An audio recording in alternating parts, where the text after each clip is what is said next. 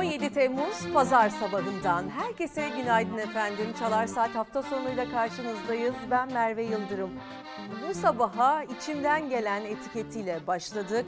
Merve Yıldırım TV, Twitter ve Instagram'dan yazmaya başlayabilirsiniz. Gündem oldukça yoğun. 15 Temmuz'un yansımaları, İmamoğlu ve Erdoğan arasındaki birleşememe meselesi, KYK'lıların beklemiş olduğu iyi haber üzerinde duracağız. Tabii ki e, bunun dışında e, yeni kapı ruhuyla alakalı pek çok tartışma vardı. Yine 15 Temmuz'un yansımaları arasında ve bunun dışında bakıyorum şuradan listeye örneğin doktora şiddet meselesinde konuşacağımız yeni konular var. Muhalefetin e, yazı seçim hazırlığında geçireceği haberlerini alıyoruz. Gazete manşetlerimiz var. E, hepsine birlikte değineceğiz. Ama öncesinde diyoruz ki bir memleket havası alalım. Bazı uyarılar var efendim meteorolojiden. Karadeniz bölgesinde yaz aylarında en korkulan şey üst üste kuvvetli yağışların olması. Sele dönüşmesi an meselesi oluyor çünkü kuvvetli yağışların ve meteorolojinin uyarısı e, bu yönde. Yani kuvvetli yağışlar sele dönüşebilir. Bir uyarı da Güneydoğu Anadolu için kavurucu sıcaklar başlıyor yönünde. Özellikle Muğla'da sıcak ve kuru havanın sebep olabileceği orman yangınlarına karşı dikkatli olunması şart. Önemli olan o noktalarda meteorolojinin uyarmış olduğu noktalarda özellikle yangın söndürme helikopterlerinin gece görüşü olan helikopterlerin hazır bulunması. Bunun önleminin alınması şart. Şimdiden meteorolojiden almış olduğumuz bilgileri yetkililere duyuralım ve tabii ki siz sevgili izleyicilerimize. Yağmur bir tek Karadeniz'i terk etmiyor. Yurdun kalanında sıcaklık yakıp kavuruyor. Diyarbakır, Şanlıurfa ve Mardin'de güneşten kaçan kendini gölgeye atıyor. Meteoroloji 4. Bölge Müdürlüğü ise uyarıyor. Bugün ve yarın Muğla'da sıcaklık 42 dereceye kadar çıkabilir. Beklenen sıcak ve kuru havayla birlikte rüzgarın neden olabileceği olumsuzluklara ve orman yangınlarına karşı tedbirli olunmalı. Karadeniz yağmurla ıslanırken Mardin Kızıltepe'de sıcaklık 50 dereceyi buldu. Gölgede 46 derece ölçülen sıcaklık dışarı çıkmak zorunda olanlara nefes aldırmadı. Şanlıurfa'da termometreler 42 dereceyi gösterdi. Sıcak hava bunalttı. Halk çeşme başlarında, yeşil alanlarda, ağaç gölgesinde serinlemeye çalıştı. Diyarbakır'da da sıcaklık ve serinleme yöntemleri aynıydı. Sıcaklığın 40 derece ölçüldüğü Antalya'da dünya ünlü Konyaaltı sahilinde tatil yoğunluğu devam etti. Sıcağa çıkmak istemeyenler ağaçların gölgeliklerinde serinledi. Bazı tatilciler ise Akdeniz'in mavi sularında kulaç attı. Bazıları ise şemsiye altında şezlongda dinlenmeyi tercih etti. Meteoroloji Genel Müdürlüğü tarafından yapılan son değerlendirmelere göre Orta ve Doğu Karadeniz kıyılarıyla Sivas, Tokat ve Ardahan çevreleri sağanak ve yer yer gök gürültülü sağanak yağışlı. Diğer yerler az bulutlu ve açık geçecek. Yağışların Samsun'un doğu kesimleri, Ordu ve Giresun çevrelerinde de kuvvetli olması bekleniyor. Bugün ve yarın Ege kıyıları rüzgarlı. İç Anadolu'da da rüzgarlı olacak yarın hava ancak hava sıcaklığında bir değişiklik yaşanmayacak. Özellikle Güney ve Doğu Anadolu ile Akdeniz ve Ege kıyılarında sıcaklık diğer bölgelere göre daha fazla olacak. E, gazete detaylarımızla mı başlasak acaba Hilal? Evet ilk detayımız gelsin o zaman. Eşitsizlik puan farkını büyüttü. Eğitimden bir haber. Eşitsizliğin çocuklar üzerindeki yakıcı etkisi Milli Eğitim Bakanı'nın sınav raporlarıyla yeniden ortaya çıktı. Eğitimde eşitsizlik çok uzun zamandan beri gündemimizde.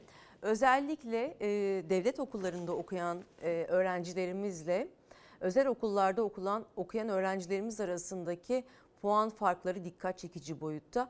Bu da aslında devlet okullarındaki eğitim kalitesizliğinin e, ve eğitimdeki düşüşün başarı oranının bir göstergesi. Maalesef keşke en e, başarılı öğrencilerimiz devlet okullarından çıkmış olsa ama daha nitelikli e, eğitim maalesef özel okullarda oluyor ve bu da aslında fırsat eşitsizliğinin göstergesi olarak nitelendirilebilir.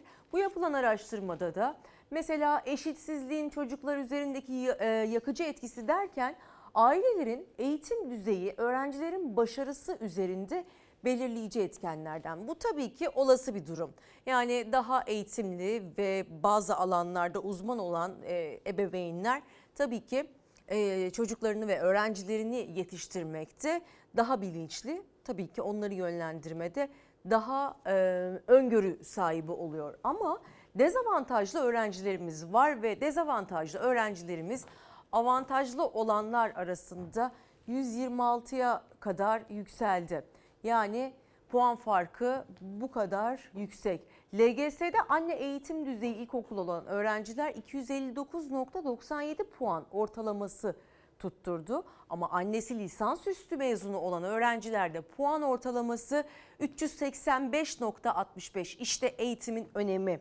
Eğitim ailede başlar. Önce e, ailedeki eğitim ve sonrasında da akademik eğitimle başlar. Bir anne, bir ebeveyn ne kadar bilinçliyse ve ne kadar eğitimliyse muhakkak ki yetiştireceği bireyde o kadar başarılı olur diye düşünüyorum. Tabii ki herkes için geçerli değil.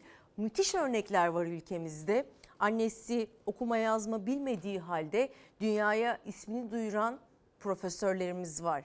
Dünyaya nam salan e, insanlarımız ve meslek e, onuruna meslek onurunu zirveye taşıyan Türkiye Cumhuriyeti vatandaşlarımız var. Ama bunlar istisna. Önemli olan eğitimin çocukluktan başlayarak yetişkinliğe kadar devam etmesi ki bu noktada zaten bunun hayat boyu devam eden bir unsur olduğunu da unutmamak gerekiyor. Ama eğitim kalitesizliğine baktığımızda özellikle üniversite eğitimindeki niteliksizliğe baktığımızda maalesef geçtiğimiz yıllara oranla düşük seviyelerde olduğumuzu e, istatistikler gösteriyor. E, önemli üniversitelerimizin dünyada sıralamada olan üniversitelerimizin bu yıl o listeye giremediğine tanıklık ettik. Ve lise seviyesindeki üniversitelerinde özellikle dershanelerin üniversitelere ve okullara dönüşme sürecinde başladı aslında bu mesele. 5-6 e, yılı aşkın e, süre önce başladı dershanelerin kapatılması ve sonrasında da bu dershanelerin eğitim alanına dönüşmesiyle birlikte başladı ve böylelikle niteliksiz okullar açıldı. Bir diğer e, problem de aslında eğitimde e, iş olanağının sınırlı olduğu bölümlerin üniversitelerde e, tercih ediliyor olması. Örneğin e, moda meslekler oluyor dönem dönem. Benim dönemimde gazetecilik, radyo, televizyon ve sinema bölümü çok popülerdi. Şimdi başka e, bölüm popüler. Örneğin e, hukuk fakültesi e, hukuk fakültesinden mezun olan pek çok avukat ve pek çok hukukçu şu anda iş bulamıyor efendim. Ya da öğretmenlerimiz atanamayanlarla dahil olmak üzere maalesef bizim şu konuda ders çalışmamız gerektiğini düşünüyorum. Entegre şekilde birbiriyle iş olanaklarının ve eğitim alanlarının birbiriyle entegre şekilde olması gerekiyor ki işsizliğin de önüne geçebilelim. Çünkü genç işsizlik her ne kadar Mayıs ayında Türkiye İstatistik Kurumu'na göre düşmüş olsa da sokağa çıktığınızda durum böyle değil. Bu da eğitim meselesine dair söyleyeceklerimizden bir detay daha varmış. O detayı da hemen paylaşalım. Bu da başkanlık sistemi yani Türkiye'ye özgü başkanlık sisteminin sonuçlarını gösteren bir istatistik aslında. 500 bin esnaf 4 yılda battı efendim. Ucube başkanlık sisteminin ülkeye faturası çok ağır oldu. Muhalefetin ucube sistem dediği yeni rejim eğitimden sağlığa, insan haklarından ekonomiye her alanda çuvalladı. CHP'li Ağbaba sistemin dördüncü yılında Türkiye'deki toplu iflaslara dikkat çekti.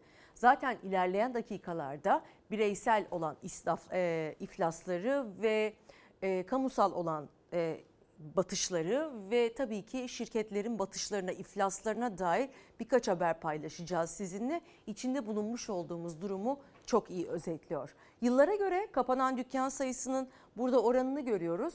Örneğin 2019 yılında 114.977, e, 2020 yılında 99.588, 2021 yılında 101.750 ve 2022 yılında 57.954 yani 2019 yılında aslında krizle birlikte en yüksek oranlara ulaşmış kapanan dükkan sayısı. Pek çok fabrikada eylem ve grev var ve işçiler haklarını alamadıkları için, işten tazminatsız çıkarıldığı için seslerini duyurmaya çalışıyor. Türkiye'nin dört bir yanında böyle fabrika var, böyle iş merkezleri var. Bu da aslında bir şeylerin doğru gitmediğinin göstergesi. Ekonomik krizin katlanılmaz bir boyuta geldiğini kaydetti Ağbaba ve yılın ilk 6 ayında meslekten ve sicilden terkini yaparak iflas eden esnaf sayısının 58 bine dayandığını ifade etti. Durum gerçekten çok vahim. Biraz da e, geceden gelen bir e, sıcak haberle devam edelim istiyoruz. İstanbul Sancaktepe'de bir otomobil galerisine ait otoparkta yangın çıktı. Aracın 16 aracın alev topuna döndüğü o anları izlerken dehşete kapılacaksınız. Abi şunu çalıştırsanız da. Hadi Kazım. Şuraya bakın hep düz bir yere bakın Otoparktaki 16 araç alev topuna döndü. Söndürüldüklerinde hepsi birer hurda yığınıydı. İstanbul Sancaktepe'de bir otomobil galerisine ait otoparkta çıktı yangın. Araçların birinde başlayan yangın kısa sürede büyüdü. Alevler çevredeki diğer araçlara da sıçradı. İtfaiye ekipleri olay yerine ulaştığında otoparktaki araçların tamamı alevlere teslim olmuştu. Abi şunu bir çalıştırsanız da. Hadi Kazım. Alev topuna dönen araçlar büyük korku yaşattı. Yangın çok geçmeden kontrol altına alındı. Ancak manzara içler acısıydı. Alevler tamamen söndürüldüğünde araçların tamamı küle dönmüştü. Olayla ilgili soruşturma başlatıldı. Adana'ya gidiyoruz şimdi de. Adana'da bir apartman inşaatında toprak kayması meydana geldi. Bir işçi ve bir mühendis maalesef göçen toprağın altında kaldı. Ya bize bir 200 kişi tanesinden aşağı abi bunu çarpın ya. AFAD hem kazmayla hem de elleriyle kazdı toprağı. Apartman inşaatında toprak altında kalan mühendis ve işçinin toprak altından cansız bedenleri çıkarıldı. Adana Çukurova'da apartman inşaatında bina önüne atık su borusu döşeniyordu. Göçük'te o sırada yaşandı. Bahri Ustaoğlu ve inşaat mühendisi Yasin Doğan göçük altında kaldı. İnşaatta çalışan işçiler durumu itfaiye, polis ve sağlık ekiplerine haber verdi. Önce onlar toprağı elleriyle açmaya çalıştılar. Ardından AFAD ekipleri ama çabalar çare olmadı. Ustaoğlu ve Doğan'a ulaştıklarında artık çok geçti. Toprak altından çıkarılan işçi ve mühendisin cesedi otopsi için Adli Tıp Kurumu morguna kaldırıldı. Olayla ilgili soruşturma başlatıldı. Özellikle eee, maalesef güçlendirilmesi gerektiği halde güçlendirilmeyen binalar, yıkılması ve tekrardan kentsel dönüşüme girmesi gerektiği halde yenilenmeyen binalar, çürük rapor verilmesi gerekirken sağlam raporu verilen bazı binalar uzun yıllardan beri bu konutların üzerinde durmaya çalışıyoruz ama geldiğimiz nokta maalesef elde var sıfır seviyesinde. Özellikle dün bir haber paylaşmıştık. Bazı okullar kentsel dönüşümde yani bazı okulların tekrardan yıkılıp öğrencilerimizin eğitim gördüğü okulların tekrardan yıkılıp yerine yenilerinin yapılması gerekiyordu. Güçlendirme çalışmalarının yapılması gerekiyordu ama bunun için ödenek çıkmadı. Bazı okulların tadilatı durdu. Eylül ayında öğrencilerimiz yeniden okullarda eğitim görmeye başlayacaklar. Özellikle İstanbul'da güçlendirilmesi gereken pek çok okulumuz var ve olası bir depremde maalesef o öğrencilerimizin, orada çalışan öğretmenlerimizin, eğitimcilerimizin, okul çalışanlarının can güvenliği risk altında olacak. Bu konuda da e, Çevre ve Şehircilik Bakanlığı'na bir duyuruda bulunalım. Lütfen bununla alakalı ödenek mi bulunuyor yoksa bütçe mi e, çıkarılıyor? Bir an önce yapılsın. Türkiye Cumhuriyeti'nde herhalde bu kadar önemli bir konu için e, her şeye ödenek ve her şeye bütçe ayrılırken bu kadar önemli bir meselede e, bir çalışma olabilir diye düşünenlerdenim efendim. Şimdi gelelim siyaset gündemine. Cumhurbaşkanı Erdoğan Saraçhane'deki Demokrasi ve Milli Birlik Günü programında 15 Temmuz'da FETÖ'cü hainlere karşı Cumhur İttifakı'nın mücadele verdiğini söyledi. Muhalefeti de terörle işbirliğiyle suçladı. Bu sözlerin üzerine muhalefet cephesinden sert tepkiler geldi. Çünkü hatırlarsınız 15 Temmuz'un olduğu dönemde o yılda tek vücut olmuştu aslında tüm Türkiye ve hangi parti lideri olursa olsun özellikle Yeni Kapı'daki ilk mitingde yan yanaydı. Ve şu anda aslında Sayın Cumhurbaşkanı Erdoğan'ın muhalefet cephesini terörle işbirliği konusunda suçlaması çok ama çok dikkat çekici. Cumhur İttifakı olarak bu mücadeleyi o gece nasıl ispatladıysak bundan sonraki süreçte de aynen ispatlamaya devam edeceğiz. 15 Temmuz hain darbe girişiminin olduğu akşam bizim milletvekillerimiz bombalanan Türkiye Büyük Millet Meclisi'ndeydi. Göğüslerini darbeye siper ediyorlar. Cumhurbaşkanı Erdoğan'ın 15 Temmuz hain darbe girişiminde o gece mücadeleyi Cumhur İttifakı olarak biz verdik sözlerine tepkili muhalefet. Cumhur İttifakı olarak oradaki buluşmanız işte bunların çanına ot tıkadı. Ve ne oldu? Fazla sürmedi. Hemen kaçıp gittiler. O gün hiçbir ayrım yapmaksızın Türkiye Cumhuriyeti'ne bayrağına sahip çıkmış olan bu toplumu ayrıştıran bu açıklamalar tamamen bir sorumsuzluk örneğidir. Kimdi bu yurtta sulh konseyi? Nerede? Nerede bu darbenin siyasi ayağı? Şu anda biz buradan konuşuyoruz. Bu buluşmanın adı nedir? Cumhur İttifakı. Sayın Erdoğan 15 Temmuz AKP'ye karşı yapılmadı. 15 Temmuz Türkiye Cumhuriyeti Devleti'ne hain bir darbe girişimiydi. Sen buradan AKP zaferi çıkarmaya çalışıyor ve muhalefete hakaret ediyorsun. Altı masaları var değil mi bunlar? Onlar PKK terör örgütüyle beraber yürüyorlar. millete ödettikleri bedeli görmezden gelip mevzuyu siyasi bir avantaja çevirmeye çalışmak 15 Temmuz'da başa gelmiş alçaklığı anlamamak demektir. Cumhurbaşkanı Erdoğan'ın 15 Temmuz programında FETÖ'ye ve PKK'ya karşı mücadeleyi Cumhur İttifakı yapıyor sözleri de muhalefeti terörle işbirliğiyle suçlaması da tepki çekti. Bizim Mehmet'imize saldıranlarla onların parlamentodaki uzantılarıyla beraber el ele omuz omuza yürüyorlar. Bu hain odaklarla Kandil dahil Oslo'da görüşmeler yaparsın diye itiraz edilen bir hükümet ya bize böyle bir suçlamada bulunabilir mi? Sayın Recep Tayyip Erdoğan'ı tanıyınız. Sayın Recep Tayyip Erdoğan'ı anlayınız. Sayın Recep Tayyip Erdoğan'ı anlatınız aziz İstanbullular. Devlet kurumları ne hale geldi? Ekonomi ne hale geldi? Bunlara sebep olan irade kimin iradesi? Recep Tayyip Erdoğan'ın iradesi. Dolayısıyla Recep Tayyip Erdoğan'ı anlıyoruz. Anlatıyoruz. Recep Tayyip Erdoğan'ı tanıyoruz, tanıtıyoruz. Devlet Bey iyi söylemiş. Biz tam olarak bunu yapıyoruz. 15 Temmuz'un 6. yıl dönümünde Cumhur İttifakı ile Millet İttifakı ortakları bu sözlerle karşı karşıya geldi. Bu yıl 15 Temmuz'da anma törenleri Yeni Kapı'da değil Saraçhane'de gerçekleşti. Ve o anlarda özellikle İstanbul Büyükşehir Belediye Başkanı Ekrem İmamoğlu'nun Saraçhane'de davet beklemesi çok dikkat çekiciydi. Kendisi belediyenin görevinin yerine getirdiğini ve e, büfelerle hizmetin devam ettiğini söyledi ama Sayın Cumhurbaşkanı Erdoğan'dan bir davet gelmemesi yönünde bazı açıklamaları vardı. E, ve İmamoğlu şöyle söyledi. Bugün birlik günü konuşma farklı bir dille olmalıydı dedi.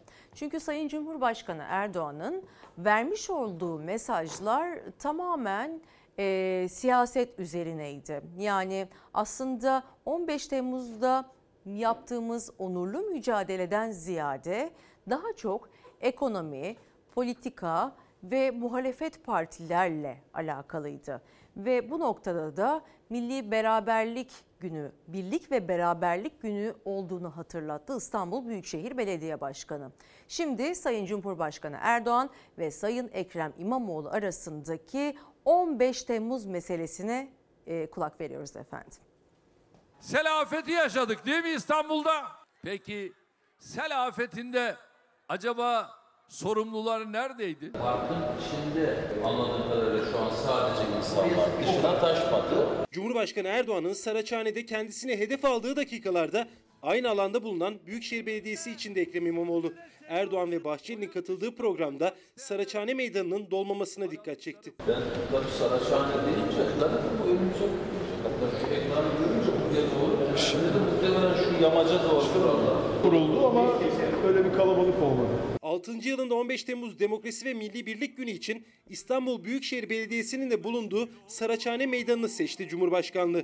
Ekrem İmamoğlu davet edilmedi ama Erdoğan'ı çaya davet etti. Burada kendilerini bekliyor olacak. Bir kahvemizi içmesini, bir çayımızı içmesini diliyorum. Şu Saraçhane meydanından tüm gönülleri titretiyorsak 15 Temmuz kıyamı sayesindedir. Vatandaşımıza hizmet edecek noktalara Burada var, karşıda var. Cumhurbaşkanı kürsüdeyken İmamoğlu da belediye binasındaydı. Mitinge gelen vatandaşlara ikramda bulunması için kurulan belediyeye ait mobil büfelerle ilgili bilgi aldı. Parkın içinde anladığım kadarıyla sadece insanlar dışına taşmadı. Dolayısıyla hani millet burayı bilmez diyeceğim ama bilen de var, gelmişler. Vatandaşımız bizi ağırlamış oldu. Büyükşehir Belediyesi'nin bahçesinde. Bekleyelim söz verdiğimiz gibi Sayın Cumhurbaşkanı ararsa ağırlamaktan keyif. Cumhur İttifakı ortaklarının katıldığı 15 Temmuz programındaki kalabalığın Saraçhane Parkı ile sınırlı kalmasına şaşırdı İmamoğlu. Erdoğan'ın belediyeyi ziyaret etme ihtimaline karşı makamında bekledi ama o ziyaret gerçekleşmedi. Saldırıya uğramış noktalardan biri şehitlerimiz var burada, gazilerimiz var burada. Buraya gelmesini arzu ederdim ama kendi takdirleri böyleymiş. Saygı duyuyoruz. Peki sel afetinde acaba sorumlular neredeydi? Kardeşlerim bunların hesabını 2023'te sandıklarda sormaya var mıyız? Açıkçası bugünkü konuşma farklı bir dille olmalıydı. Bugün Milli Birlik Günü. Anladık ki hala e, bu kürsüler 15 Temmuz'da olsa birileri için Cumhur İttifakı günü. İmamoğlu, Cumhurbaşkanı'nın çay davetine icabet etmemesine saygı duyuyorum dedi. Ama hem Millet İttifakı liderlerini hem de kendisine hedef alan sözlerine tepki gösterdi. Karar gazetesinden de bir başka yansıma var. Yeni kapı ruhu sizlere ömür. Artık Saraçhane ruhu var diyor Karar gazetesi. 7 Ağustos 2016'daki Demokrasi ve Şehitler mitingine 5 milyon katılım olduğu açıklanmıştı. Hakikaten çok kalabalıktı ve tam e, kadro muhalefet partisi liderleri de oradaydı. Ve e, mitinge 5 milyon vatandaşımız katılmıştı. Bunun içerisinde sanatçılar vardı, sporcular vardı, siyasetçiler vardı. E, herkes oradaydı. Ama tarihi mitingi Yeni Kapı Ruhu manşetiyle haberleş, haberleştirirken o dönemde gazeteler 2016 yılında bu yıl Saraçhane'den yansıyan ufak kareler var. E, ve Yeni Kapı'da işte böyle bir fotoğraf karesi vardı. Sayın Cumhurbaşkanı Erdoğan, Sayın e, Kemal Kılıçdaroğlu, Sayın Binali Yıldırım, Sayın Devlet Bahçeli, e, Sayın e, Meclis Başkanımız o dönemki hepsi bir arada samimi şekilde aynı sehpa e, çevresinde aynı yan yana birebir bu pozu vermişlerdi. Oldukça da samimi bir fotoğraf karesiydi ama yıl 2022 olduğunda sadece Devlet Bahçeli ve Sayın Cumhurbaşkanı Erdoğan e, yan yana oldu ve Saraçhane'de e, çok çok daha ufak bir katılım oranıyla bir mitingle e, Milli Beraberlik Günü'nü 15 Temmuz'daki anma töreni gerçekleşti, e, gerçekleşti efendim. FETÖ'cü ihanet şebekesinin kanlı darbe girişimi milletin ortak duruşuyla püskürtülmüştü ve her görüşten milyonlarca vatandaşımız katılmıştı. 2016'da Yeni Kapı Meydan'da yapılan o büyük mitinge. Muhalefet maalesef etkinliklere davet edilmedi bu yıl. Ee, eğer davet edilselerdi giderler miydi? Bana kalırsa giderlerdi efendim. En azından İstanbul Büyükşehir Belediye Başkanı Ekrem İmamoğlu giderdi. Sayın Kemal Kılıçdaroğlu da bence giderdi. Sayın e, Meral Akşener de bence giderdi. Ali Babacan da giderdi. Davutoğlu da giderdi diye düşünenlerdenim. Sizce davet gitseydi giderler miydi? Bunu siz de, e, siz de yazabilirsiniz fikirlerinizi. Karamollaoğlu diyor ki Saadet Partisi lideri üstüne tuz döküp öldürdüler. 15 Temmuz'u siyasi ikbali için kullananlar yeni kapı ruhunun üstüne tuz ruhu döküp öldürdü dedi. Erdoğan'ın çay davetine yanıt vermediği İmamoğlu da bugün Milli Birlik Günü ama birileri için Cumhur İttifakı günü eleştirisini yaptı. Resmi törene, törene katılımın düşük kalmasına dikkat çeken Deva Partili Emin Ekmen ise AK Partili arkadaşlar 2016 ile 2022 mitingi arasındaki değişimi daralmayı tartışıyor mu diye sordu. Bahçeli bu arada e, kutuplaşmayı bıçak gibi keselim demişti. Ama e, o zamanki e, o dönemin e, Başbakanı Binali Yıldırım CHP ve MHP'lilere şu cevabı vermişti. Bu tabloyu yaşattığımız için teşekkür ederim ifadelerini kullanmıştı. Bu aslında özlem duyduğumuz bir siyaset diliydi. O yeni kapı ruhu aslında herkesin özlediği birleştirici ve kutuplaştırmadan uzak bir dildi. Ama bugün geldiğimiz noktada tam aksine tanıklık ettik. Tabii ki katılım oranının da düşük olması, ekonomik krizin getirmiş olduğu ve e, işin içinden çıkılmaz bir hal aldığı e, moralsizlik de söz konusu. Bunların hepsi belki de e, bu kutuplaştırıcı ve düşmanlaştırıcı dilin önünü açan unsurlardan olabilir diye düşünüyorum efendim. E, efendim Hilalci, e, sırada başka bir haberimiz var. Sayın Cumhurbaşkanı Erdoğan e, Amerika Birleşik Devletleri Başkanı Biden'ın Biden'ın Madrid'de NATO zirvesinde yaptıkları görüşmede F-16 satışı da konuşulmuştu. Amerika Birleşik Devletleri Başkanı satışa yeşil ışık yakmıştı ancak Temsilciler Meclisi'nden o tasarı şartlı geçti. Türkiye'ye verilecek F-16'ların Yunan hava sahasını ihlal etmeyeceği şartı konuldu anlaşmaya. Ve Cumhurbaşkanı Erdoğan bu konuda sessiz ama muhalefet bu konuya oldukça sert bir tepki verdi. Bu son NATO zirvesinde YPG'yi, PYD'yi, FETÖ'yü NATO'nun kayıtlarına girdik. Daha NATO'daki imzanın mürekkebi kurumadan Finlandiya ve İsveç'ten gelen skandal açıklamalar Erdoğan'ın yine hiçbir şey alamadan imza attığını gösterdi. Dedik ki bu bizim kırmızı çizgimizdir. FETÖ'yü buraya terör örgütü olarak gireceksiniz. Ve girdiler. Efendim nerede NATO kayıtları hangisi NATO belgesi? Sizin İsveç ve Finlandiya ile imzalamış olduğunuz belgede NATO Genel Sekreterinin parafı bile İsveç ve Finlandiya'nın NATO üyelikleri için imzalanan mütabakatta Türkiye'nin bir kazanım elde edip etmediği tartışılırken İsveç'te dikkat çeken bir gelişme yaşandı. NATO zirvesinde İsveç yönetiminin Erdoğan'a terör örgütü üyelerinin iadesi sözü vermesine rağmen İsveç mahkemesi bir FETÖ mensubunun Türkiye'ye iadesi talebini reddetti. Bu muhtıra Türkiye ve milletimiz açısından elde edilmiş diplomatik bir zaferdir. Yatırımcılarından sahiplerinden biri olduğumuz F-35 savaş uçağı projesinden çıkartılmamız ve paramızı geri alamamamız yetmiyormuş gibi yalvar yakar duruma düşürüldüğümüz F-16 uçaklarını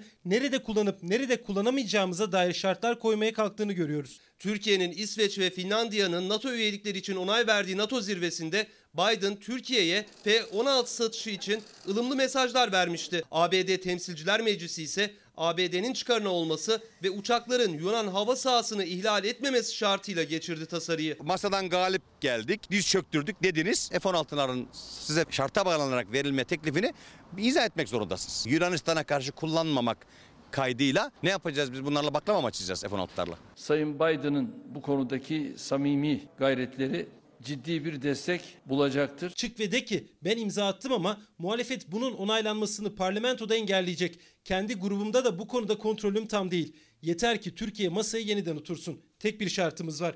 Bu sefer sadece çevirmen hanım kızımızı yanına alarak iş görmeye çalışma sakın. Bırak bu işin ehli diplomatlar işlerini yapsınlar. F-35 ve S-400 konularında anlaşmadan da o masadan kimse kalkmasın. Kılıçdaroğlu'nun F-16 ve F-35 çıkışına iktidardan ses yok ama Erdoğan-Biden görüşmesinde tercümanlık yapan Merve Kavakçı'nın kızıyla ilgili sözlerine tepki var. Ayrıca çevirmen hanım kızımızdan yüz binlerce Afgan sığınmacının ülkemize gelmesine yol açan o toplantıda Biden'la neler konuşulduğunu seçimlerden sonra devletimize açıklamasını talep edeceğiz. Verilen her yetki sorumluluğuyla birlikte gelir. Kendisi de bunu bilecek yaştadır. Türkçe ve İngilizceyi ana dili gibi konuşan profesyonel tercüme yapan bir kadına hanım kız diyerek küçümseyen Kılıçdaroğlu rezilsin. Zekaya bak. Türkçeyi ana dili gibi konuşan ne demek troll bakan? Onun yerine ana dili Türkçe olan bir çevirmeniniz yok muydu? Sahi Fatma Abus Hanap nerelerin vatandaşıdır? Devletten saklanan sırlar neden ona emanet edilmiştir? hanım kız ifadesinde hiçbir küçümseyici husus yoktur. Atanmış Bakan Başkanımızın söylediklerine açık seçik cevap versin. Hangi taahhütlerin altına girdiniz? Ne aldınız, ne verdiniz? ABD Temsilciler Meclisi'nde Türkiye'ye F-16 satışını şarta bağlayan tasarının kabul edilmesiyle ilgili iktidardan açıklama bekliyor muhalefet. İçimden gelen etiketiyle güne başladık. Ee, hemen ilk mesajı okuyorum. Türkiye İstatistik Kurumu işsizlik ve enflasyon oranlarını düşük gösterdikçe halkın TÜİK'in kapısına dayanıp hesap sormasıdır içimden gelen diyor bir izleyicimiz. Bir başka izleyicimiz eczacı kendisi ve eczacılar bu durumu hak etmiyor diye başlayarak pandemide başı çeken bir mesleğin mensubuyuz. Derhal ve acilen adil şekilde ilaç fiyat kararnamemiz güncellenmelidir. Aksi takdirde 28 bin eczanenin yarısı kapısına kilit vurmak zorundadır diyor. Ee, eczacılarımız çok zor durumda. Özellikle eczanelerdeki veresiye defterlerini çok sık gündeme getirmeye çalışıyoruz. Ve e, pek çok eczacı da maalesef dükkan masraflarını karşılayamaz hale gelmiş durumda. Hemen Gelen başka bir mesaj Cevat Bey diyor ki Milli Birlik Günü olmalıydı lakin zehir zemberek bir açıklama yapıldı. Size katılıyorum mevzu ülkemiz olmalıydı lakin bence çok ucu, e, çok uzağız diyor. Yeni Asya gazetesinden hemen muhalefetin hazırlıklarıyla alakalı başka bir haber paylaşalım. Muhalefet yazı seçim havasında geçirecek.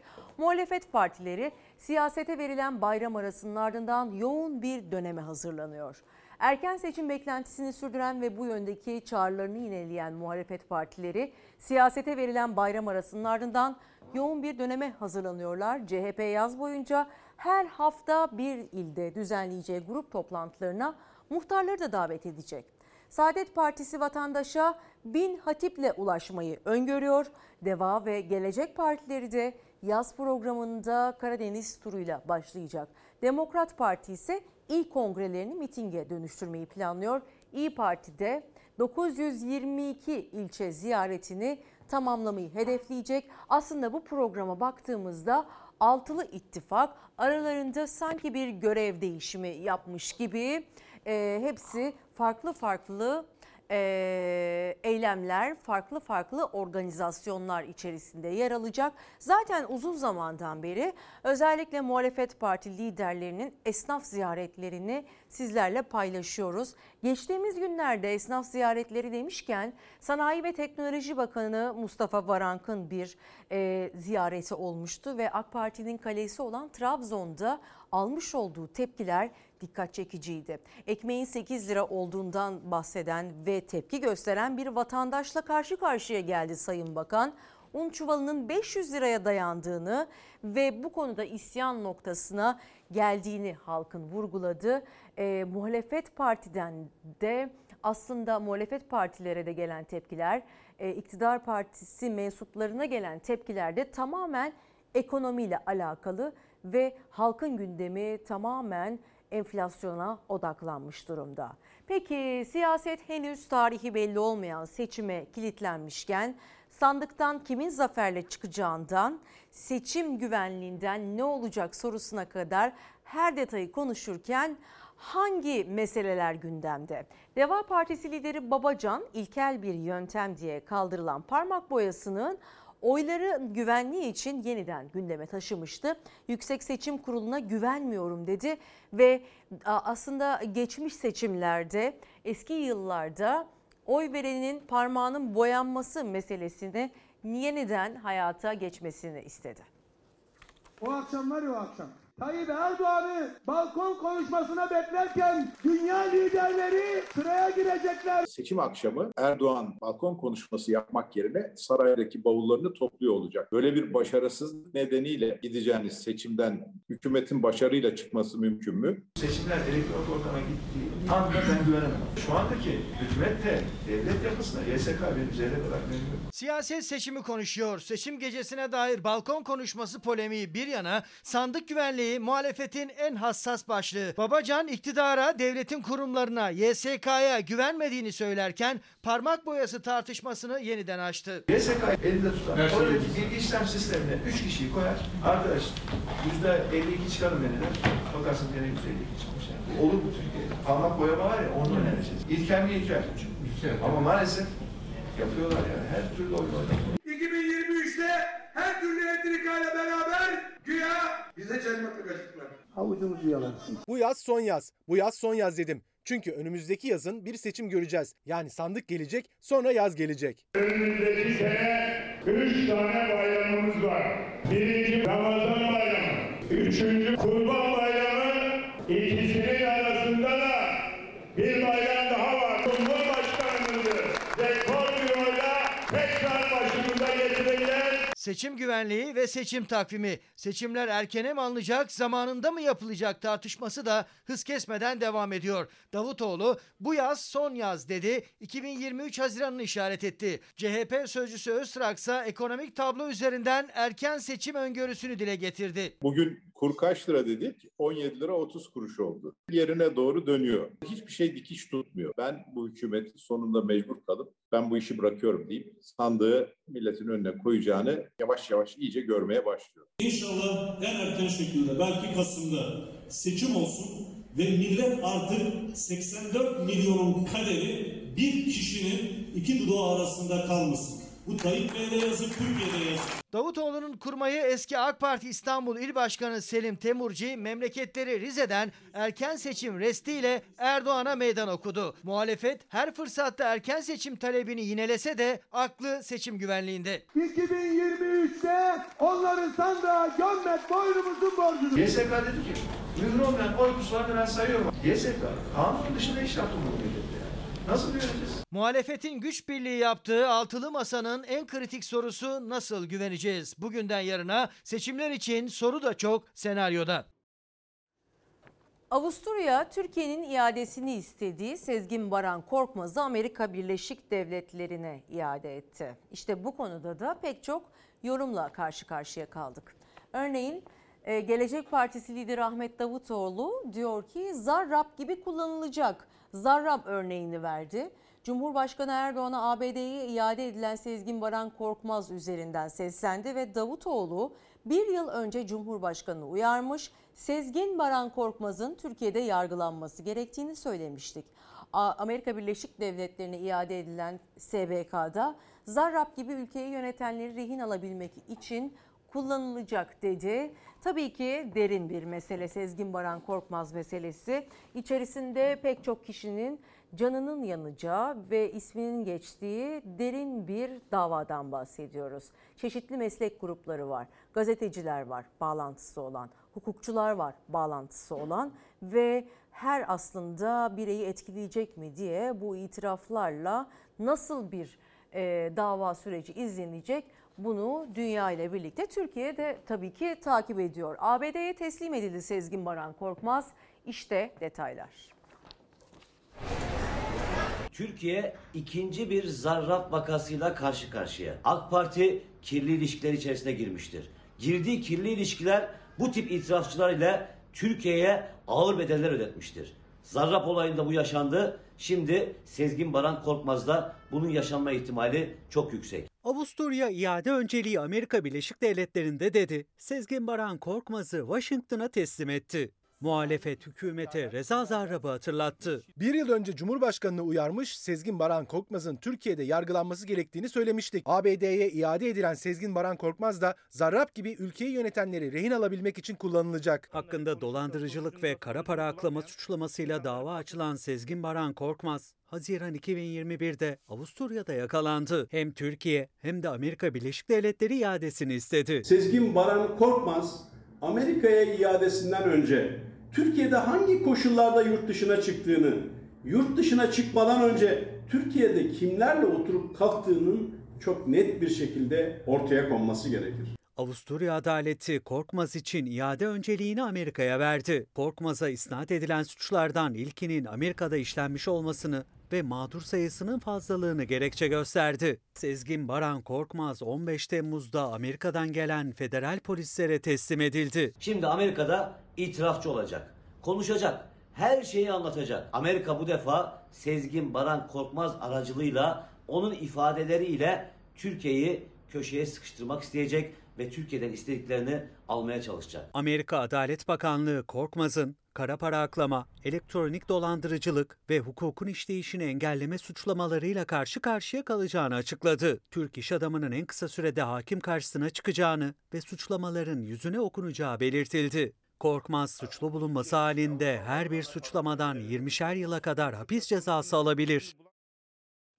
Tabii ki Türkiye'den de bu konuyu derinlemesine araştıran pek çok gazeteci var. Ee, örneğin duayen gazeteci Uğur Dündar da Twitter üzerinden bir tweet paylaştı. Diyor ki Avusturya Sezgin Baran Korkmaz'ı Amerika Birleşik Devletleri'ne iade etti. SBK dolandırıcılıkla sağlanan 133 milyon doları Lüksemburg ve Türkiye'deki banka hesapları üzerinden e, iki firma ve şirketler ve gayrimenkullerle akladığı ve elektronik dolandırıcılık yaptığı iddiasıyla yargılanacak dedi. 133 milyon dolardan bahsediliyor. Ayakkabı boyacılığından gelmiş olduğunu söylemiş bir e, kişiden bahsediyoruz ve e, kara parayla hiç ilgisi olmadığı söyleniliyor. Tabii ki kendisini savunan hukukçular tarafından. Ama kara para aklama meselesine baktığımızda işin içerisinde kimler var ve hangi noktalarda hangi ilişkiler ağı içerisinde bu kara para aklama olayında e, kimler kimleri kitabına uydurdu bu da çok derin bir mevzu.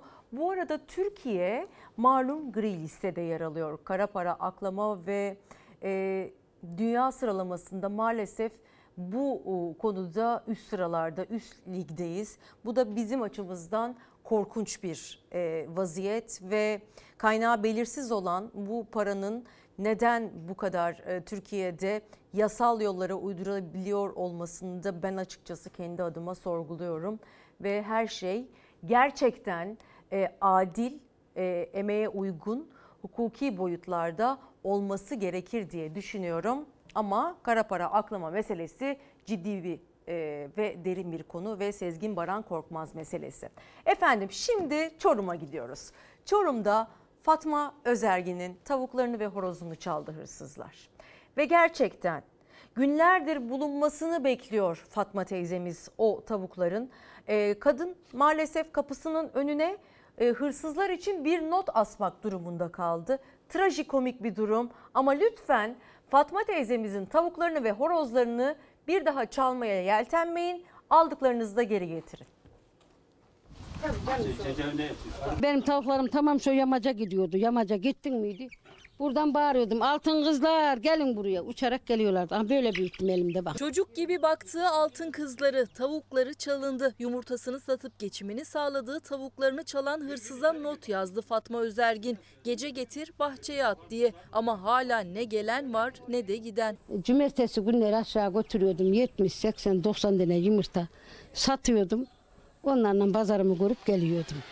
Eşime de acımadılar, bana da acımadılar işte. Fatma Emral Özergin çifti Çorum'da Dumlupınar'da yaşıyor. Çiftin evine önce Arife günü hırsız girdi. Bahır kaplarım vardı. Kuşburnu yapıyordum. Pevrede, salça.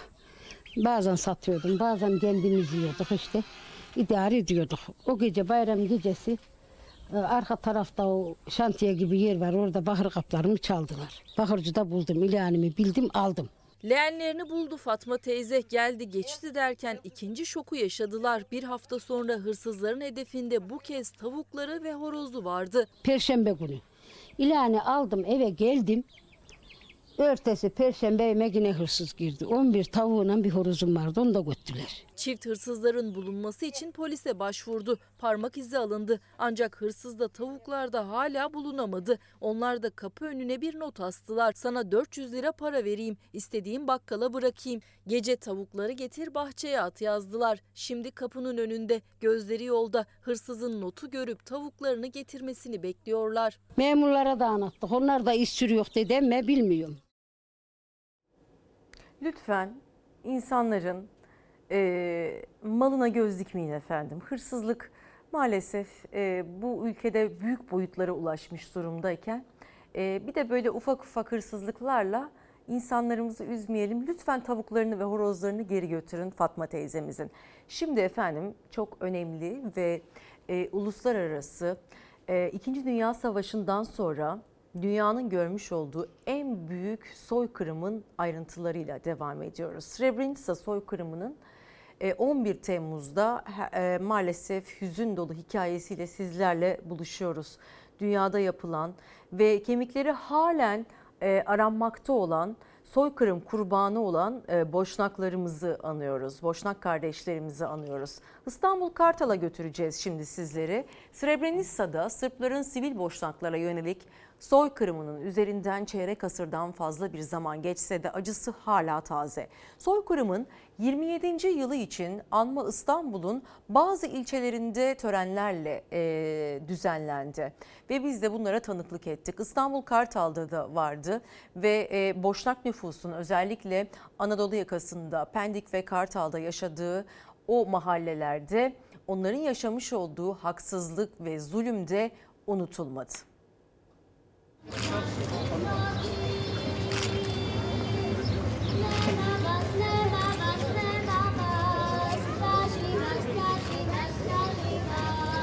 Srebrenica'daki soykırımın 27. yılı kanayan yara dinmiyor. Dünyanın seyirci kaldığı soykırımda Sırpların katlettiği Boşnaklar anılıyor. 1995 yılında Sırp kasabı Rotka Mladic, Mladic komutasındaki Sırp birlikleri Srebrenica'da tüm dünyanın gözü önünde Birleşmiş Milletler karargahında silahsız, savunmasız bir durumdayken Boşnak kardeşlerimizi katlettiler. Yugoslavya İç Savaşı sırasında silahlandırılan Sırplar Müslüman Boşnakları hedef aldı. 11 Temmuz 1995'te Birleşmiş Milletler'in güvenli bölge ilan ettiği Srebrenica'yı işgal etti. Binlerce Boşnak Hollanda askerlerinin denetimindeki Birleşmiş Milletler Barış Gücü karargahına sığındı. Karargahın kuşatılması sonrası Hollandalı askerler masum sivilleri Sırplara teslim etti. Kentteki 8372 Müslüman Boşnak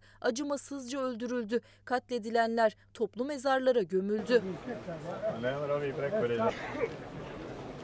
Türkiye Bosna Sancak Derneği ve Bayrampaşa Belediyesi'nin işbirliğiyle düzenlenen anma yürüyüşü ve soykırım anıtı açılışına da yaklaşık 2000 kişi katıldı. Srebrenica kurbanları için 1 kilometre yürüdü kalabalık. Daha sonra şehir parkındaki şehitler anıtına inşa edilen Srebrenica Boşnak soykırımı anıtı kesilen kurdeleyle açıldı. Boşnak kardeşlerimizi anmak için bir araya geldik.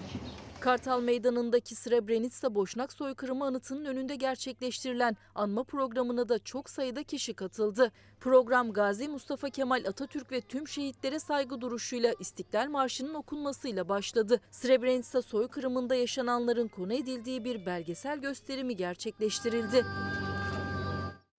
Yakın tarihte dünyanın gördüğü Avrupa'nın göbeğinde yaşanan en büyük soykırım ve halen o Srebrenica anneleri Lahey'de hak mücadelesi veriyorlar. Pek çok kadının cinsel istismara uğradığı ve bu cinsel istismar sonrası pek çok pek çok çocuğun annesiz ve babasız olarak hayata devam etmek zorunda kaldığı e, korkunç bir vahşetten bahsediyoruz. Ve ne yazık ki üzerinden 27 yıl geçmiş olsa da halen e, bedeninin farklı uzuvları başka bölgelerden çıkan, sistematik şekilde katledilen ve toprağa e, gömülen insanlardan bahsediyoruz. E, bir daha dünyada bu gibi vahşetlerin ve soykırımların yaşanmamasını umut ederek ve tabii ki hukukun üstünlüğüyle e, cezala e, hak edenlerin e, gereken cezaları e, almasını e, e, umut ediyoruz. Tabii ki bunun tek sorumlusu Ratko Mladic değil.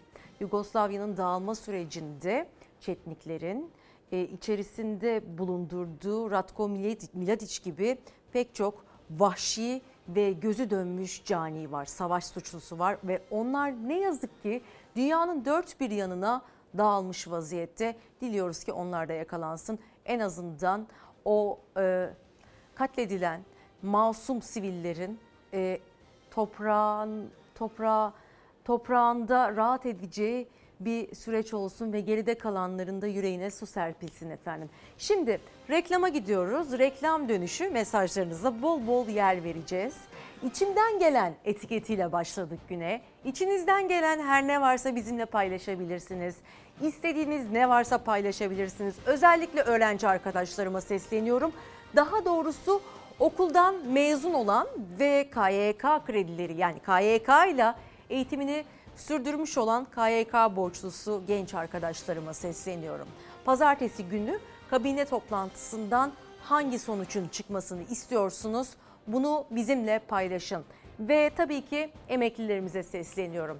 Emekliler ne istiyor? Asgari ücretlilerimize sesleniyorum. Ev hanımlarına sesleniyorum. E, hayat pahalılığını tabii ki konuşacağız. Çünkü gündemde tutmamız gerekiyor. Enflasyon rakamlarıyla alakalı fikirlerinizi de yazabilirsiniz.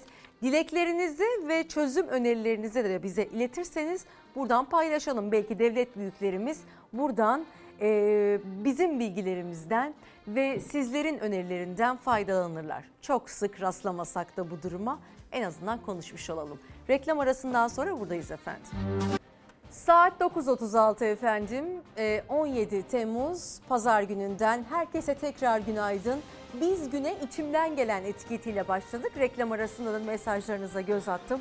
Ve o mesajları tabii ki okuyacağım ama şimdi sıcak bir haberimiz var. Karadeniz'den yola çıkan bir tur otobüsü ne yazık ki e, Sivas-Kayseri yolunda şarampole devrildi ve kazada çok sayıda yaralı var.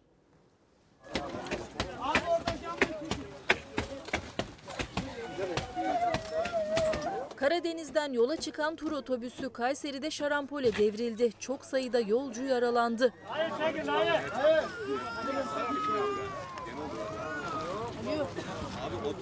Sivas-Kayseri Karayolu Sultanhanı mevkiinde yaşandı kaza. Sabah erken saatlerde kontrolden çıkan otobüs şarampole devrildi. Kazayı görenler polis, jandarma ve sağlık ekiplerine haber verdi.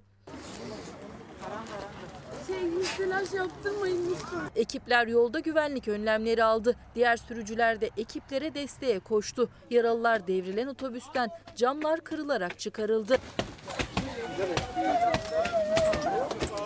Yaralı yolcular kazanın şokundaydı. Onlar hastaneye sevk edilirken otobüsten yaralıları çıkarmaya devam etti ekipler. Kazada çok sayıda yolcunun yaralandığı bildirildi. Lütfen e, yola çıkacak olanlar varsa hem uzun yol şoförlerimiz hem de memleketten, tatil beldelerinden dönecek olan e, sürücülerimiz uykunuzu almış şekilde yola çıkın ve lütfen acele etmeyin. Çünkü her bayram vermiş olduğumuz haberler bunlar. E, can kaybının e, minimumda olmasını temenni ediyoruz. Zaten e, İçişleri Bakanı'nın da uyarısı vardı. Hepimizin cep telefonlarına mesaj olarak da geldi. Özür diliyorum. Ee, özellikle emniyet kemerinizi e, takmayı ve hız kurallarına uymayı ihmal etmeyin efendim. Hepinizin can güvenliği için. Ve biraz ekonomiyle devam edelim istiyoruz. İstiklal Gazetesi'nden bir ekonomi detayı. Aslında e, tartıştığımız projelerin bir yansıması.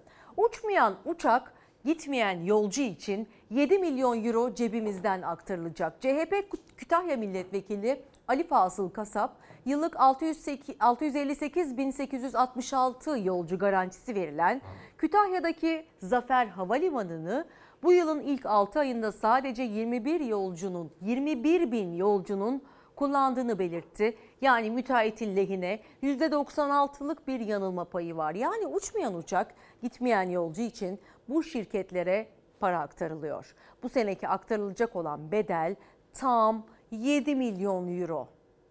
Ve devlet garantili projeleri tartıştığımız bu dönemde özellikle e, asgari ücretlinin gıdım gıdım kuruş kuruş hesap yaptığı bu günlerde KYK borçlusu öğrencilerin iflas ettiği ve e, icralık olduğu böyle bir dönemde gerekir miydi? 7 milyon euro başka noktalara vatandaşa harcanabilir miydi? Mağdur insanlarımıza verilebilir miydi? Evet verilebilirdi. İşte bu da aslında ülkedeki gelir adaletsizliği ve para dağılımının adaletsizliğinin bir göstergesi efendim. Maalesef ki.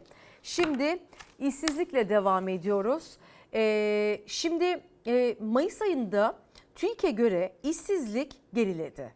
Aslında bunu TÜİK'e göre değerlendirdiğimizde şaşırmadığımız bir durum. Ama en başta ben e, gençlere sormak istiyorum e, özellikle işsizlik meselesiyle alakalı ne düşündüklerine dair.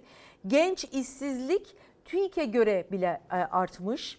işsizlik gerilese de ve gençler artık gelecek kaygısını da bırakmış günü kurtarma çabasındalar. Onlar e, istihdamda bulunamayanlar, okuldan mezun olduktan sonra maalesef çalışamayanlar, iş aramak için gecesini gündüze katanlar var. Tabii ki herkesi aynı kefeye koyamayız.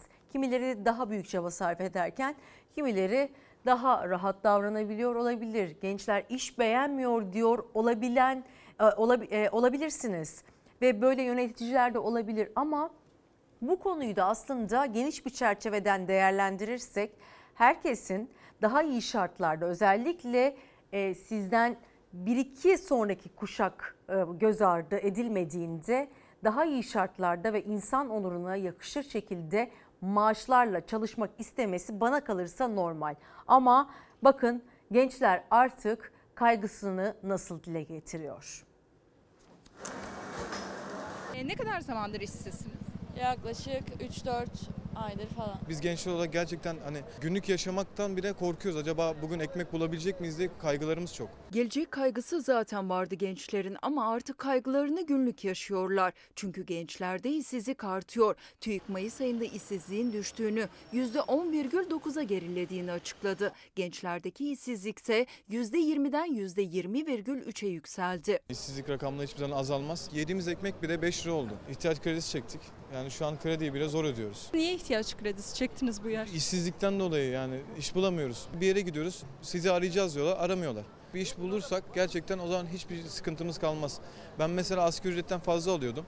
6-7 bin lira alıyordum. Şu an asgari ücrete bile talip oluyorum. Çünkü öyle bir piyasa artık iş yok ki. Geçim zor, işsizlerin umuduysa yaptıkları her başvurunun sonunda biraz daha tükeniyor. TÜİK'in açıkladığı Mayıs ayı raporuna göre işsiz sayısı bir yılda 509 bin kişi azaldı. Aynı dönemde İşkur'a göre kayıtlı işsiz sayısı 644 bin kişi arttı. İki kurumun verileri yine birbirini tutmadı. TÜİK ve İşkur işsiz sayısı konusunda bir türlü anlaşamıyor. İki kurumun verileri birbirine yakın bile değil. Hatta tam tersi. Ancak TÜİK'e göre bile gençlerde işsizlik azalmıyor. Aksine artıyor. İş arıyor musun? Evet. Ama iş bulmak kolay değil tabii. Özellikle tecrübe istiyorlar ama ben bir işe girmeden tecrübe kazanamam. Kötü hissediyorum hani gidiyorum bulamıyorum. Hani benden kaynaklı diye düşünüyorum bazen ama Gençlere kendilerini diplomalarını sorgulatıyor işsizlik gerçeği. Tecrübe şart deniliyor ama tecrübe için fırsat tanınmıyor. Son açıklanan işsizlik rakamları Mayıs ayına ait. Temmuz ayında asgari ücret zammının ve maliyetlerdeki artışın etkisiyle işsizliğin artabileceğinin sinyalini veriyor işveren. Geçen sene 11. ayda 286'yı aldı. 18'lik sıvıya bu yıl 680'e kadar 700'e kadar çıktı. %100 giderlerimiz artış var. Yani pandemiden çıktı. Zaten biz 16 ay bir fil yattık.